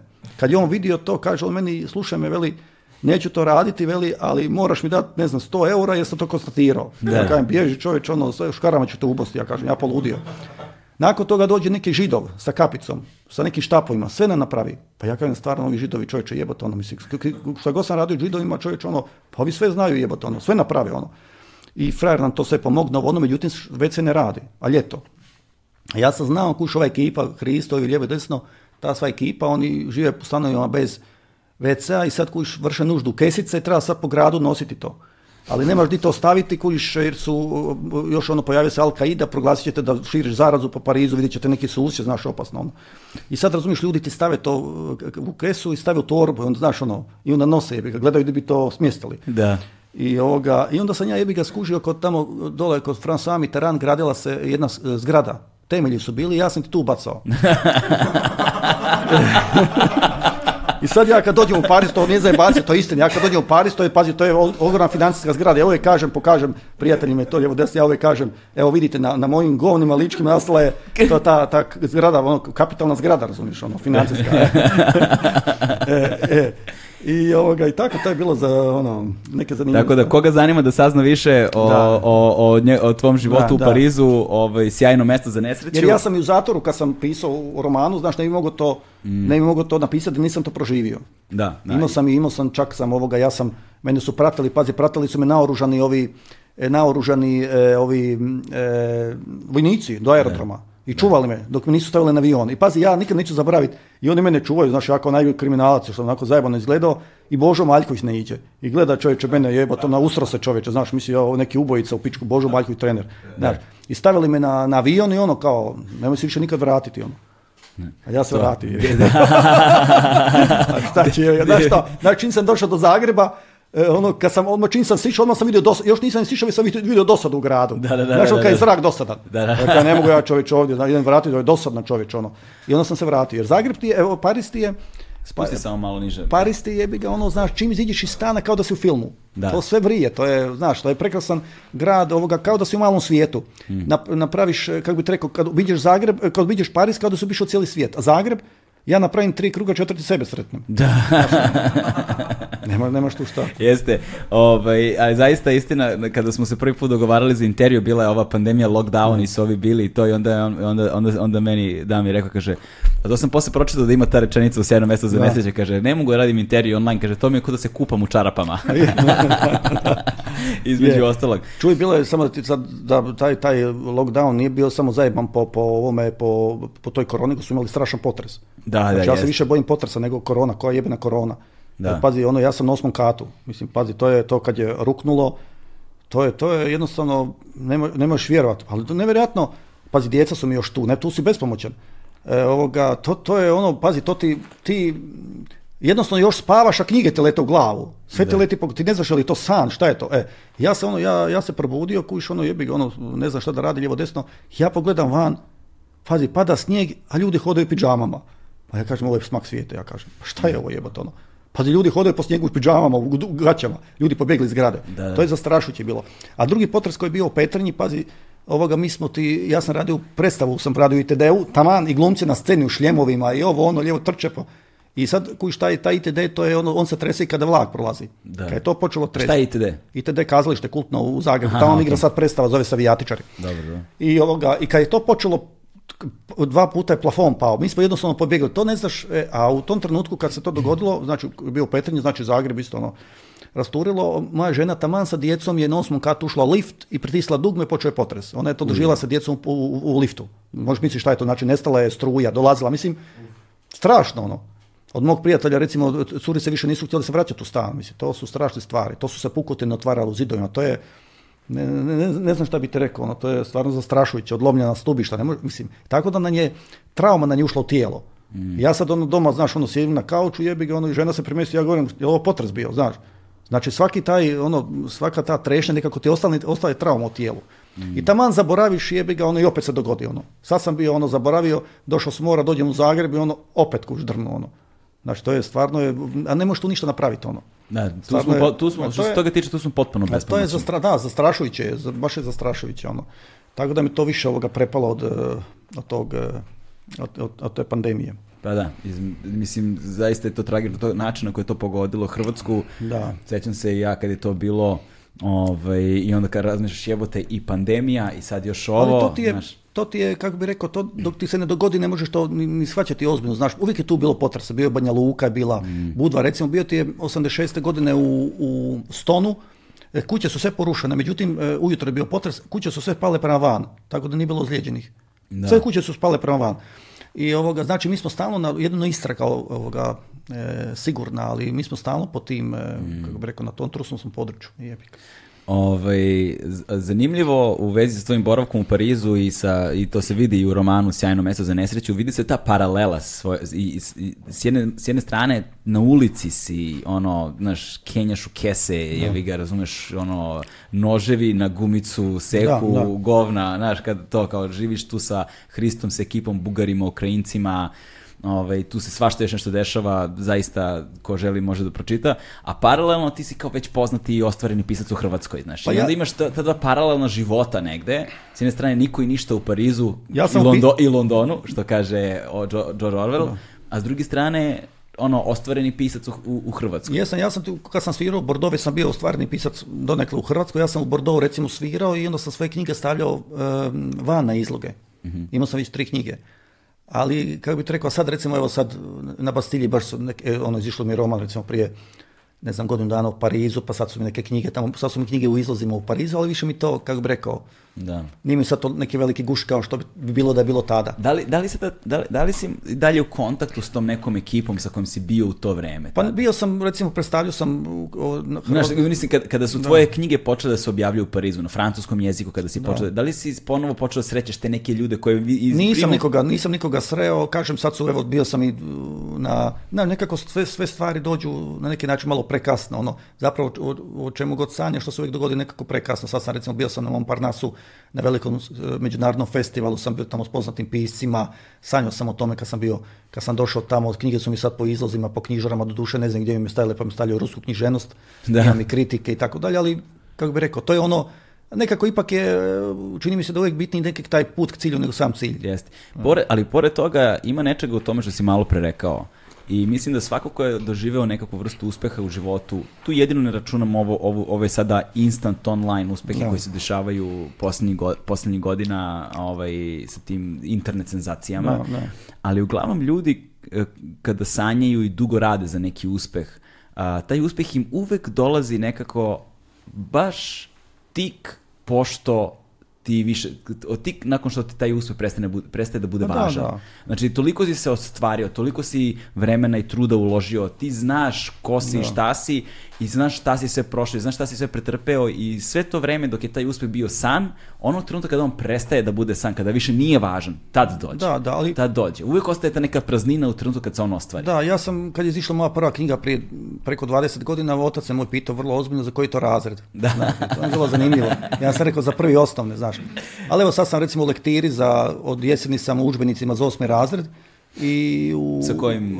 E, sa sjećanjem šume. sjećanjem šume. I u, e, za treće gimnazije, mm. znaš. Tako da ipak ima neki progres, znaš. Da. Ono, prije a treće gimnazije je šta? E, isto, lektira. A, šta, proslava ili? sjećanje šume. Sjećanje šume isto, da? Da, da, ovaj, sad, je vrlo zanimljivo, u kom trenutku pišeš sjećanje šume?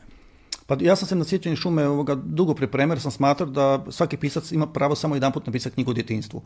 A jako mi je bilo, e, kako bi rekao, nisam htio da taj jezik bude infantilan, e, morao sam naći pravi, e, pravo očište između tog lika i pripovedača, ući tu dječju metafiziku, kako bi rekao, meni se sviđa kako to Robert K. Pa da, kako, kako Ivan da, tako radi, da, to, mislim, ali kažem, ono, ima, ima još recimo odličnih knjiga od djetinstva, recimo jako dobar, jako dobar recimo, ovaj, od, mislim da je boreće Osića, Mm. E, uloga moje porodice u revoluciji, pa onda recimo od Jergovića Sarski Malbor, ima zanimljivih Na primjer, ali, ali, ima, ali ima recimo velikih romana, kanona svetskih književnosti, da imaš dečije likove koji apsolutno psihološki nisu i, da. i e, verodostojni. Da, ima, na, da. na primjer, dečak u, u, u, kod Dostojevskog u, u, Braći Karamazovi, koja, mali, koji apsolutno ne govori jezikom. to ali, ali pazi, on žedne prevodi preko vode. Je, ali pazi, to je, ovaj, kako je rekao Meša Salimović, svi pisci bi trebali imati 50 godina, onda napisao sve knjige.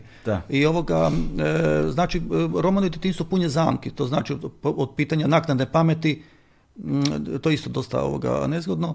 I tako da sam, eto, dugo sam tražio taj glas i onda sam krenuo tu neku realizaciju, dugo sam to radio, ja uvijek radim knjigu po ono, tri godine, četiri, i dugo nekako mi se tekstovi se baš on da se sedimentiraju, imam dobre urednike, E, ljude s, s kojima čitam i s kojima puno razgovaram, analiziram ovoga literaturu, nisam, nisam nestrpljiv, čekam do god. Recimo, mm. sjećanje šume je bilo gotovo, ali ja sam osjetio da to nije kraj, još sam čekao godinu dana, dok mi se nije dogodio taj potpuni klik. I onda sam jednostavno shvatio je šta, je je taj potpuni klik bio? Pa to je jednostavno moraš osjetiti nešto, jednostavno mi nije odgovaralo, nešto nije, nije, nije na pravi način bilo zaokruženo, nešto mi jednostavno tu falilo i tu mi je pomogao dosta Perišić. S njim sam dosta analizirao, razgovarao i na kraju se to dogodilo. Jednostavno da, da, da, da to prije godinu dana to ne bilo to. Mhm. Tako da je to. A uneo ono- si neke izmjene unutar tih godinu dana? Pa ono, jesam, ne, ono? ne trebaš iznositi izmjene, bitno je samo da čekaš, razmišljaš o tome, mhm. fokusiran sam. Ali mislim, ja se bavim samo sa time, ništa drugo ne radim.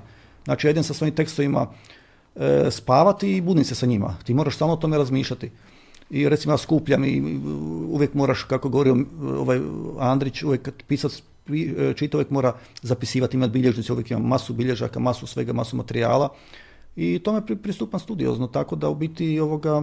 E, e, i, ono, ono što je zanimljivo jeste da sudbina koja te pratila i sa prvim romanom gdje su ono tvom prijatelju tražili novac nazad jer da. roman o ratu nije napisan onako kako su oni, zamišljali da, oni mislili i očekivali, to je nastavilo se dešava sa tvojim delima. Da. Tvoja reputacija u velikoj meri je za brojne ljude iz tvog rodnog mesta i za ljude koji su orijentisani prema tom nekom nacionalističkom ustrojenju bilo uvek nekakvo iznevereno očekivanje ili čak su doživljavali kao atak na sebe, kao napad, pa kao napad na sebe. Pa ali samo da ti kažem da ne zaboravim ovo reći, e, znači mene često isto e, ljudi pitaju šta je to zapravo, da li to roman, da li to zbirka priča, da li su to eseji, da li, da to poezija, a to mi nikad e, ovoga ne, ne robujem, ali uvek uvijek nekako u su literatura ima dosta poezije, jer zapravo romani su horizontalni, tako se jezik strukturira, a poezija vertikalna i ona nam omogućuje da dođemo do najdoljenih stvari. Zato uvijek ima kod mene poezije, ali kad me pitaju recimo ljudi šta je to, ovoga, onda ja ovoga, uvijek se sjetim kad su pitali ovoga tipa koji svira u Zizi Topu,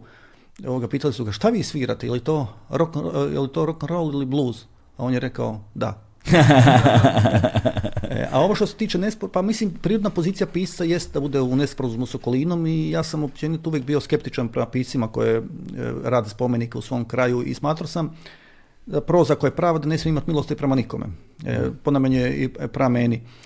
Tako da u biti e, jednostavno s romanom je to, to taj, e, taj nesporazum eskalirao potpuno i tako da nisam skoro bit će skoro, skoro tri godine kako nisam bio u rodnom kraju zbog tog i su mi prijatelji i imao sam stvarno puno problema i tako nekako sam to sve uspio izdržati i čak kad sam nastupao u, u kod Stankovića nedeljem u dva tražili su od mene da demantiram roman ja sam rekao da ne mogu demantirati fikciju, to je nemoguće. Tako da se e, E, pojavljuju se neke apsurdne situacije u Hrvatskoj da je, da je knjiga tamo najbitnija tamo gdje se ne čita, jer oni nisu knjigu pročitali, to je neki mudarc pročitao, pronio, to se priča, to se govori, ali ovoga, ali to, to ima neku svoju genezu još od, od e, filma Kinolika. Mm. Od filma Kinolika gdje, gdje su neki ljudi očekivali da je to neki turistički film, znaš, to, pa je to sve potpuno iznenadilo i imao sam stvarno puno problema sa tim, e, sa tim filmom, a zanimljivo za taj film kad se dogodio, E, ovoga, u Gospiću je e, igrao tri dana i bio je najgledaniji film nakon Žikine dinastije u povijesti. E, I četvrti dan su ga, ovoga, četvr, zabranili su ga četvrti dan, tako da je zabranjen. Nakon toga igra još jedan put u Otošcu, još jednom većem gradu u Lici. Moji starci nikad nisu gledali taj film, gledala ga stara na televiziji. E, uglavnom, e, u Otošcu se dogodilo, bio je taj vatrogasni dom pun ljudi, ljudi su visjeli po zavjesama i to se dogodilo nešto vrlo čudno, ja nisam tu bio, e, traka se ta preokrenula na projektor, tako da je film išao naopako. Sve što je bilo gore, to je bilo dole, tako da je bila jedna zbrka, ne, njima ne mogu ni zamjerati. Ali kad sam ovoga, kad je bio prikazan prije par godina na HTV-u film, odlučio sam staroj, starcem reći da pogledaju to, jer oni znaš, ne gledaju to i nisu nikad ni čitali moje knjige, ni, ne znaju ni čitati. Ono. I onda sam ovoga, e, nazvao sutradan staru i ja kažem, to najbolje oslikava ovoga, cijelu tu, taj odnos prema tome, ja kažem ovoga, i jesi gledala, a ona onako kaže, dobro da ti tata zaspao. to je jedina reakcija. e, tako, dobro da je zaspao. Znaš, ono. Tako da u biti, e, e mislim, to se dešavalo na ratnih scene za snimanje tog filma, mislim, to je Znaš, ono ljudima kaže da glume tučnje, oni se potuku, znaš. je teško tu naći razliku između, znaš, došlo su se to obračunati sa lancima i se tako dalje. E, ali se ovoga... Ja, ima to priča da je Tarkovski ovaj, e, e, svoje glumce da bi glumili pijane likove, da, ih je, da, da, ih pripremao za to tako što im daje da se malo napiju, a on im mm. kaže sad se strujite, budite normalni. Da, da, da. Pa da. a inače ovoga, ja sjećam se ovoga jednog snimanja, bila je neka tučnja, i došao ujutro neki onako pijan statist, sav krvav, onako, i onako došao do mene i onako stavim mi ruku prijateljski na rame ujutro, onako i krv ide s njega i kaže on meni, prijatelju, veli, ali tko će meni vjerovat da sam ja na filmu? I tako da je to, taj, ti problemi su počeli još od toga, pojavili su, su tu neki popovi, to je propagande, to je ludilo, te, znaš, ono pronio se glas o meni kao anarhisti, komunisti, šta ja znam šta su pričali o meni. Naš, ono, i to dosta može biti dosta opasno. To ti isto opasnost kao kad sam ja kao rokabili dolazio tamo. I onda bi ti ja sa kokoticom išao kroz šumu kući, ako ne ideš na pijenog lovca, možeš te zamijeniti za pijetla ili za neku životinju i možeš te upucati, razumiješ? Da, da. Tako da su to vrlo nezgodne stvari, ono, možeš izgubiti glavu ko ništa i eto i tako ta u biti stalno je sa njima taj stalno je sa njima taj sukob s jednim dijelom malim brojem sam imao predstave u, u imao sam predstavu u, Gaveli e, sjećanje šume i imao sam predstavu u Kerempuku Blue Moon mm. ima e, mali broj ljudi koji je meni sklon došao je došao je ovoga da pogleda predstavu i to mi je bilo jako drago da su gledali Međutim, u, recimo zanimljivo, u, kad, smo, kad, je bila predstava u Kerempuhu i tu se pojavlja sad neki, neka dvojica ustaša koja tu ono, prave sranja, ono lijevo desno, pošto ljudi iz mog kraja, oni, oni su to gledali vrlo nelagodno jer su mislili da se to odnosi na njih, znaš ono. I onda ovoga, sutra nam je zove jedan čovjek koji je ok, tamo iz tog kraja i on kaže meni, prijatelju, ali bio sam na, a dvojica Ustaša tamo rade sranje 10 minuta, on kaže, prijatelju, bio sam na, na predstavi, sve super, ono, možeš li nešto učiniti za naš kraj, za mene ovo ono, znaš, ono, će igre ga 20 puta. Ja kažem, reci, reci šta treba. Možeš li veli, možeš li veli, e, e, kad pojavio se ona dvojica ustaša, da, da, da negdje zaguraš dvojicu četnika. Pa ja ne mogu, kažem, nisam ja redatelj. Molim te, stavi dva četnika kao registar, razumiješ? da. Tako da, da, se, oni da se malo, Da se oni tu, da se to malo izbalansira. Sa strane, jer nemoj, znaš, ono stalno, e, i, ovoga, tako da, e, I tako da je bilo specifično, je, bilo nje je drago recimo nekim ljudima koji su bilo tamo, što je na neki način i u mojoj literaturi i, i taj jezik je e, sačuvan iz mog kraja i u predstavi recimo glumci su došla, profesor profesorica filozofskog, morali su raditi glumci, ovoga, jako je bilo teško savladati taj jezik, jer je e, u bazenu od 10 km svako selo govori drugačije. I onda recimo kad se sastanu dva čovjeka koji se ne poznaju na, na, na pijaci, onda ti ovako njihov dijalog E, on pita ovaj ovoga, kako se zoveš? A on kaže Stipe. A on kaže, a ti? On kaže, isto Stipe, samo malo brže. E, to su te finese, znaš. I eto, tako je onda je to sa, sa ovom, sa proslavom je baš onako eskaliralo i evo još se do sad nije smirilo i a zanimljivo je, ali proslava je zaista ono bez, bez, bez daljnjeg. Apsolutno najzreliji, najozbiljniji, tvoj roman i nešto što kada sam se susreo, mislim, kada sam počeo da ga čitam, uh, bio sam malo iznenađen činjenicom koliko je daleko odmakao, zato što u njemu nema više ni trunke onog karakaša koji je postao u svim prethodnim romanima. Pa gledaj, mislim, moramo... Znači, izvini, izvini, prekidam, samo da nekako da stavimo ljudima do znanja. Sje, sjećanje šume govore o istom kraju, o istim ljudima. Da. Znaš, ima puno tebe, ima puno tvog oca, samo u ovog tvog oca ovog puta u jednoj vrlo drugačijoj ulozi. I, um, ali obuhvata jedan kraći vremenski period, ovo obuhvata jedan ogroman vremenski period. Pa to mi je bio izazov, recimo, E, obuhvatiti recimo dva rata, e, tri generacije dva rata, što se čini nemogućim, ali kako je rekao fokner knjiženosti, je pokušaj da se postignu nemoguće. Mm. I ja sam recimo, kad sam radio proslavu, e, maknuo sam dva poglavlja, previše mi to nekako ličilo na roman, sve mi to tako dosadno, tražio sam neke nove forme mm. i, ovoga, i onda sam... Ovoga, Ovdje si pobegao od standardne strukture, da, pobegao si standardne motivacije. Da, napravio sam... Pobegao si od standardnih razrešenja. Sa, napravio sam ta četiri poglavlja E, na neki način kojima ne možeš više oduzeti ni dodati. Mm. Ali ja jesam pisao ovoga, e, onako uvijek nekako na način kako, kako govori Čehov, da rečem bude usko i mislima široko.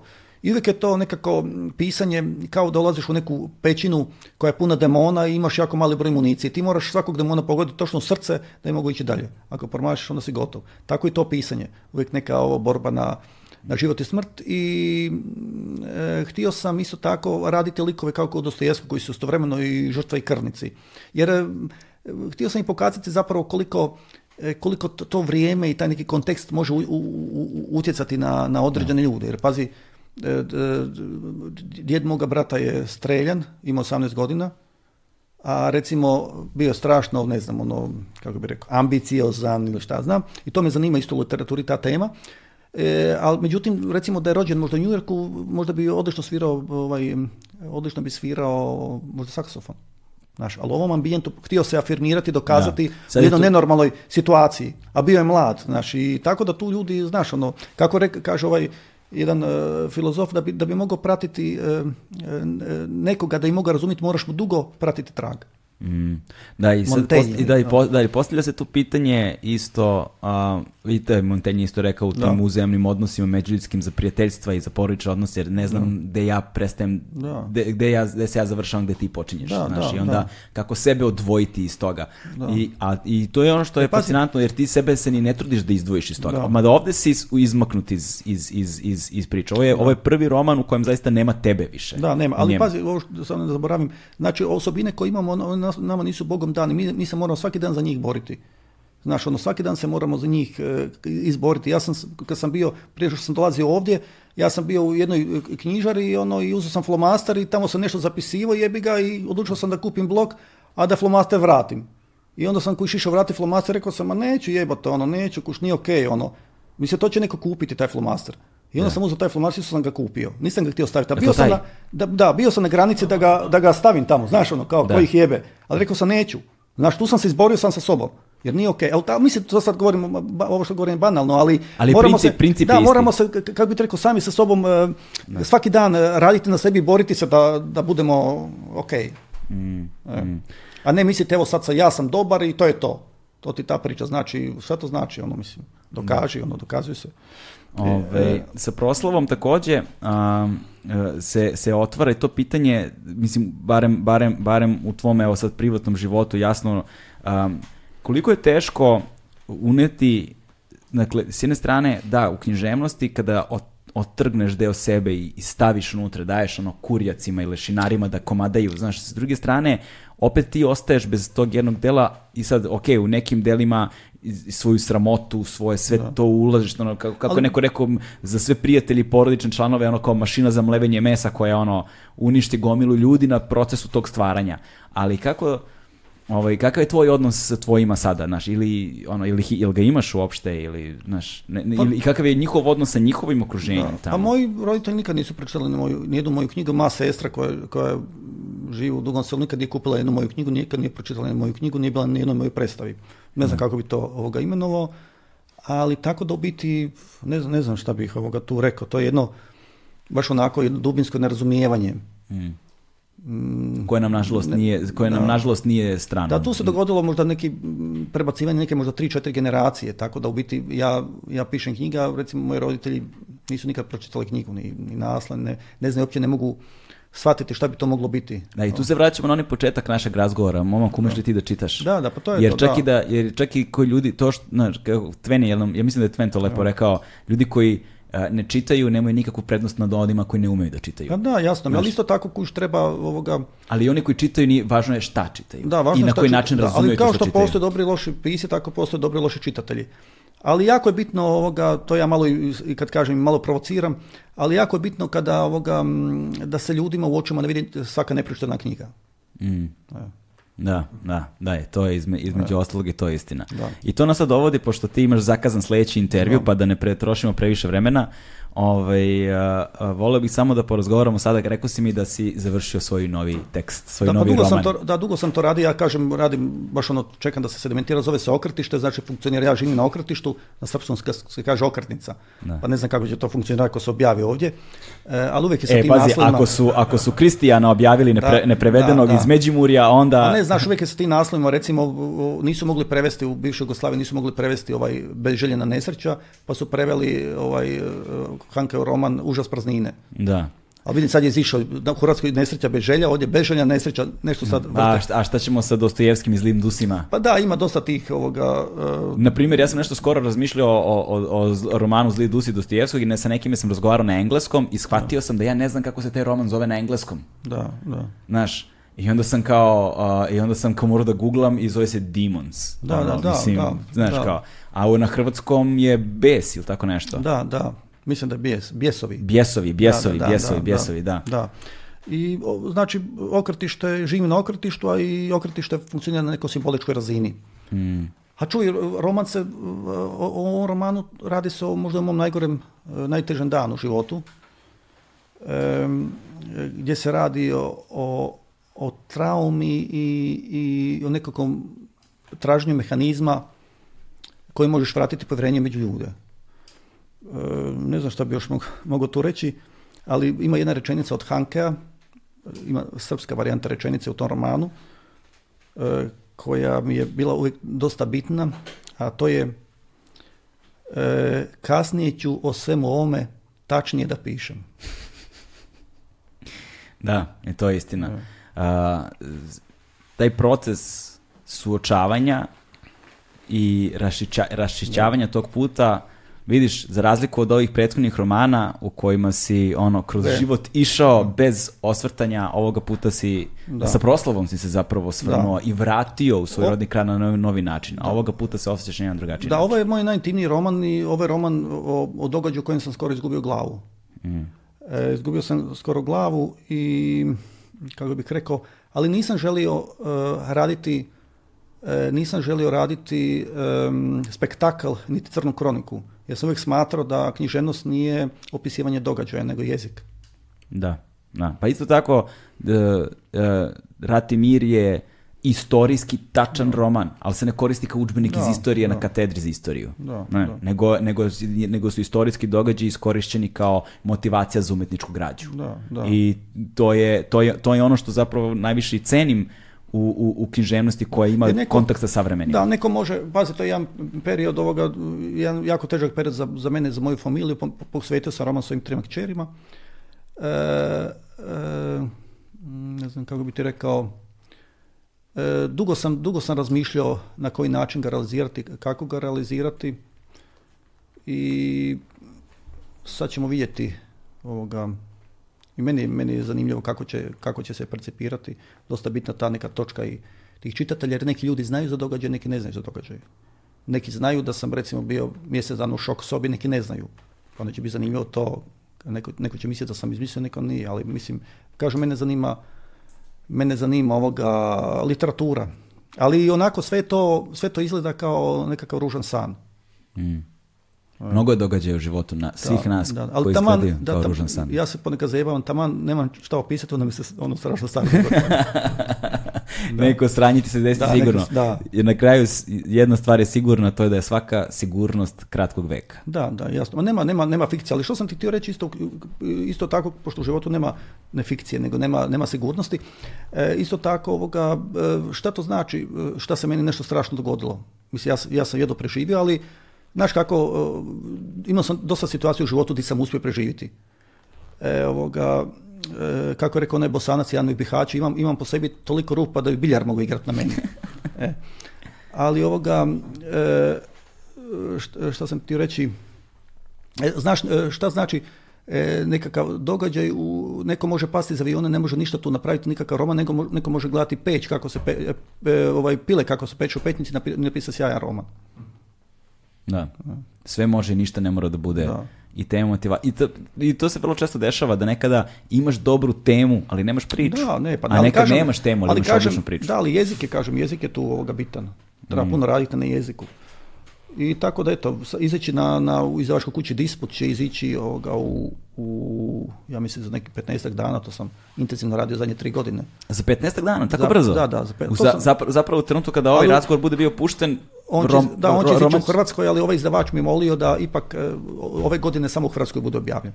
Mhm. Znači morat ćemo e, da nabavimo hrvatsko izdanje. Da, poslat ću ti hrvatsko izdanje da vidiš kako i to. Sad otprilike već ti znaš otprilike a ja ću ti možda i poslije ispričati, tako ne znam sad da li bolje da ispričam ili ne, ali e, ti otprilike znaš već, a netko neće da. Ovaj, znati šta je bilo i kako je, tako da eto, vidjet ćemo ovoga, šta će biti od toga.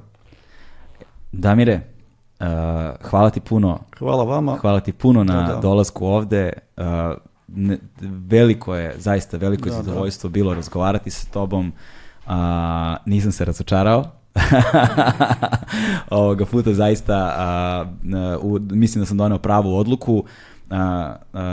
želim ti zaista da ovaj, ne znam ni šta bih ti želeo više, ono, želim ti zaista sve najbolje, uživam u tvojim romanima, mislim da treba da dođeš do što veće publike i zaista mi je drago da na ovim prostorima najzad e, književnost počinje polako da vri, da se mm. stvorilo neko žarište u ljudima koji su stožeri uh, nove književne misli na neki način, kao što, kao što si ti, ti si definitivno jedan od njih kao nekakav čuvar vatre.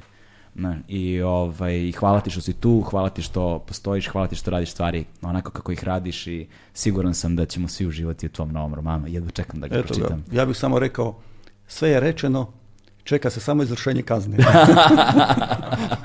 I, i ne, kad u vezi za time, moj najdraži Nabokovljev roman je pozivno pogubljenje. Eto, okay. On je kao kijanski nekako u celokupnom njegovom opusu najviše. Da. To, hvala ti puno. Hvala vama, to je to. dobro. Ćao. Gotovi smo. Ćao, čao.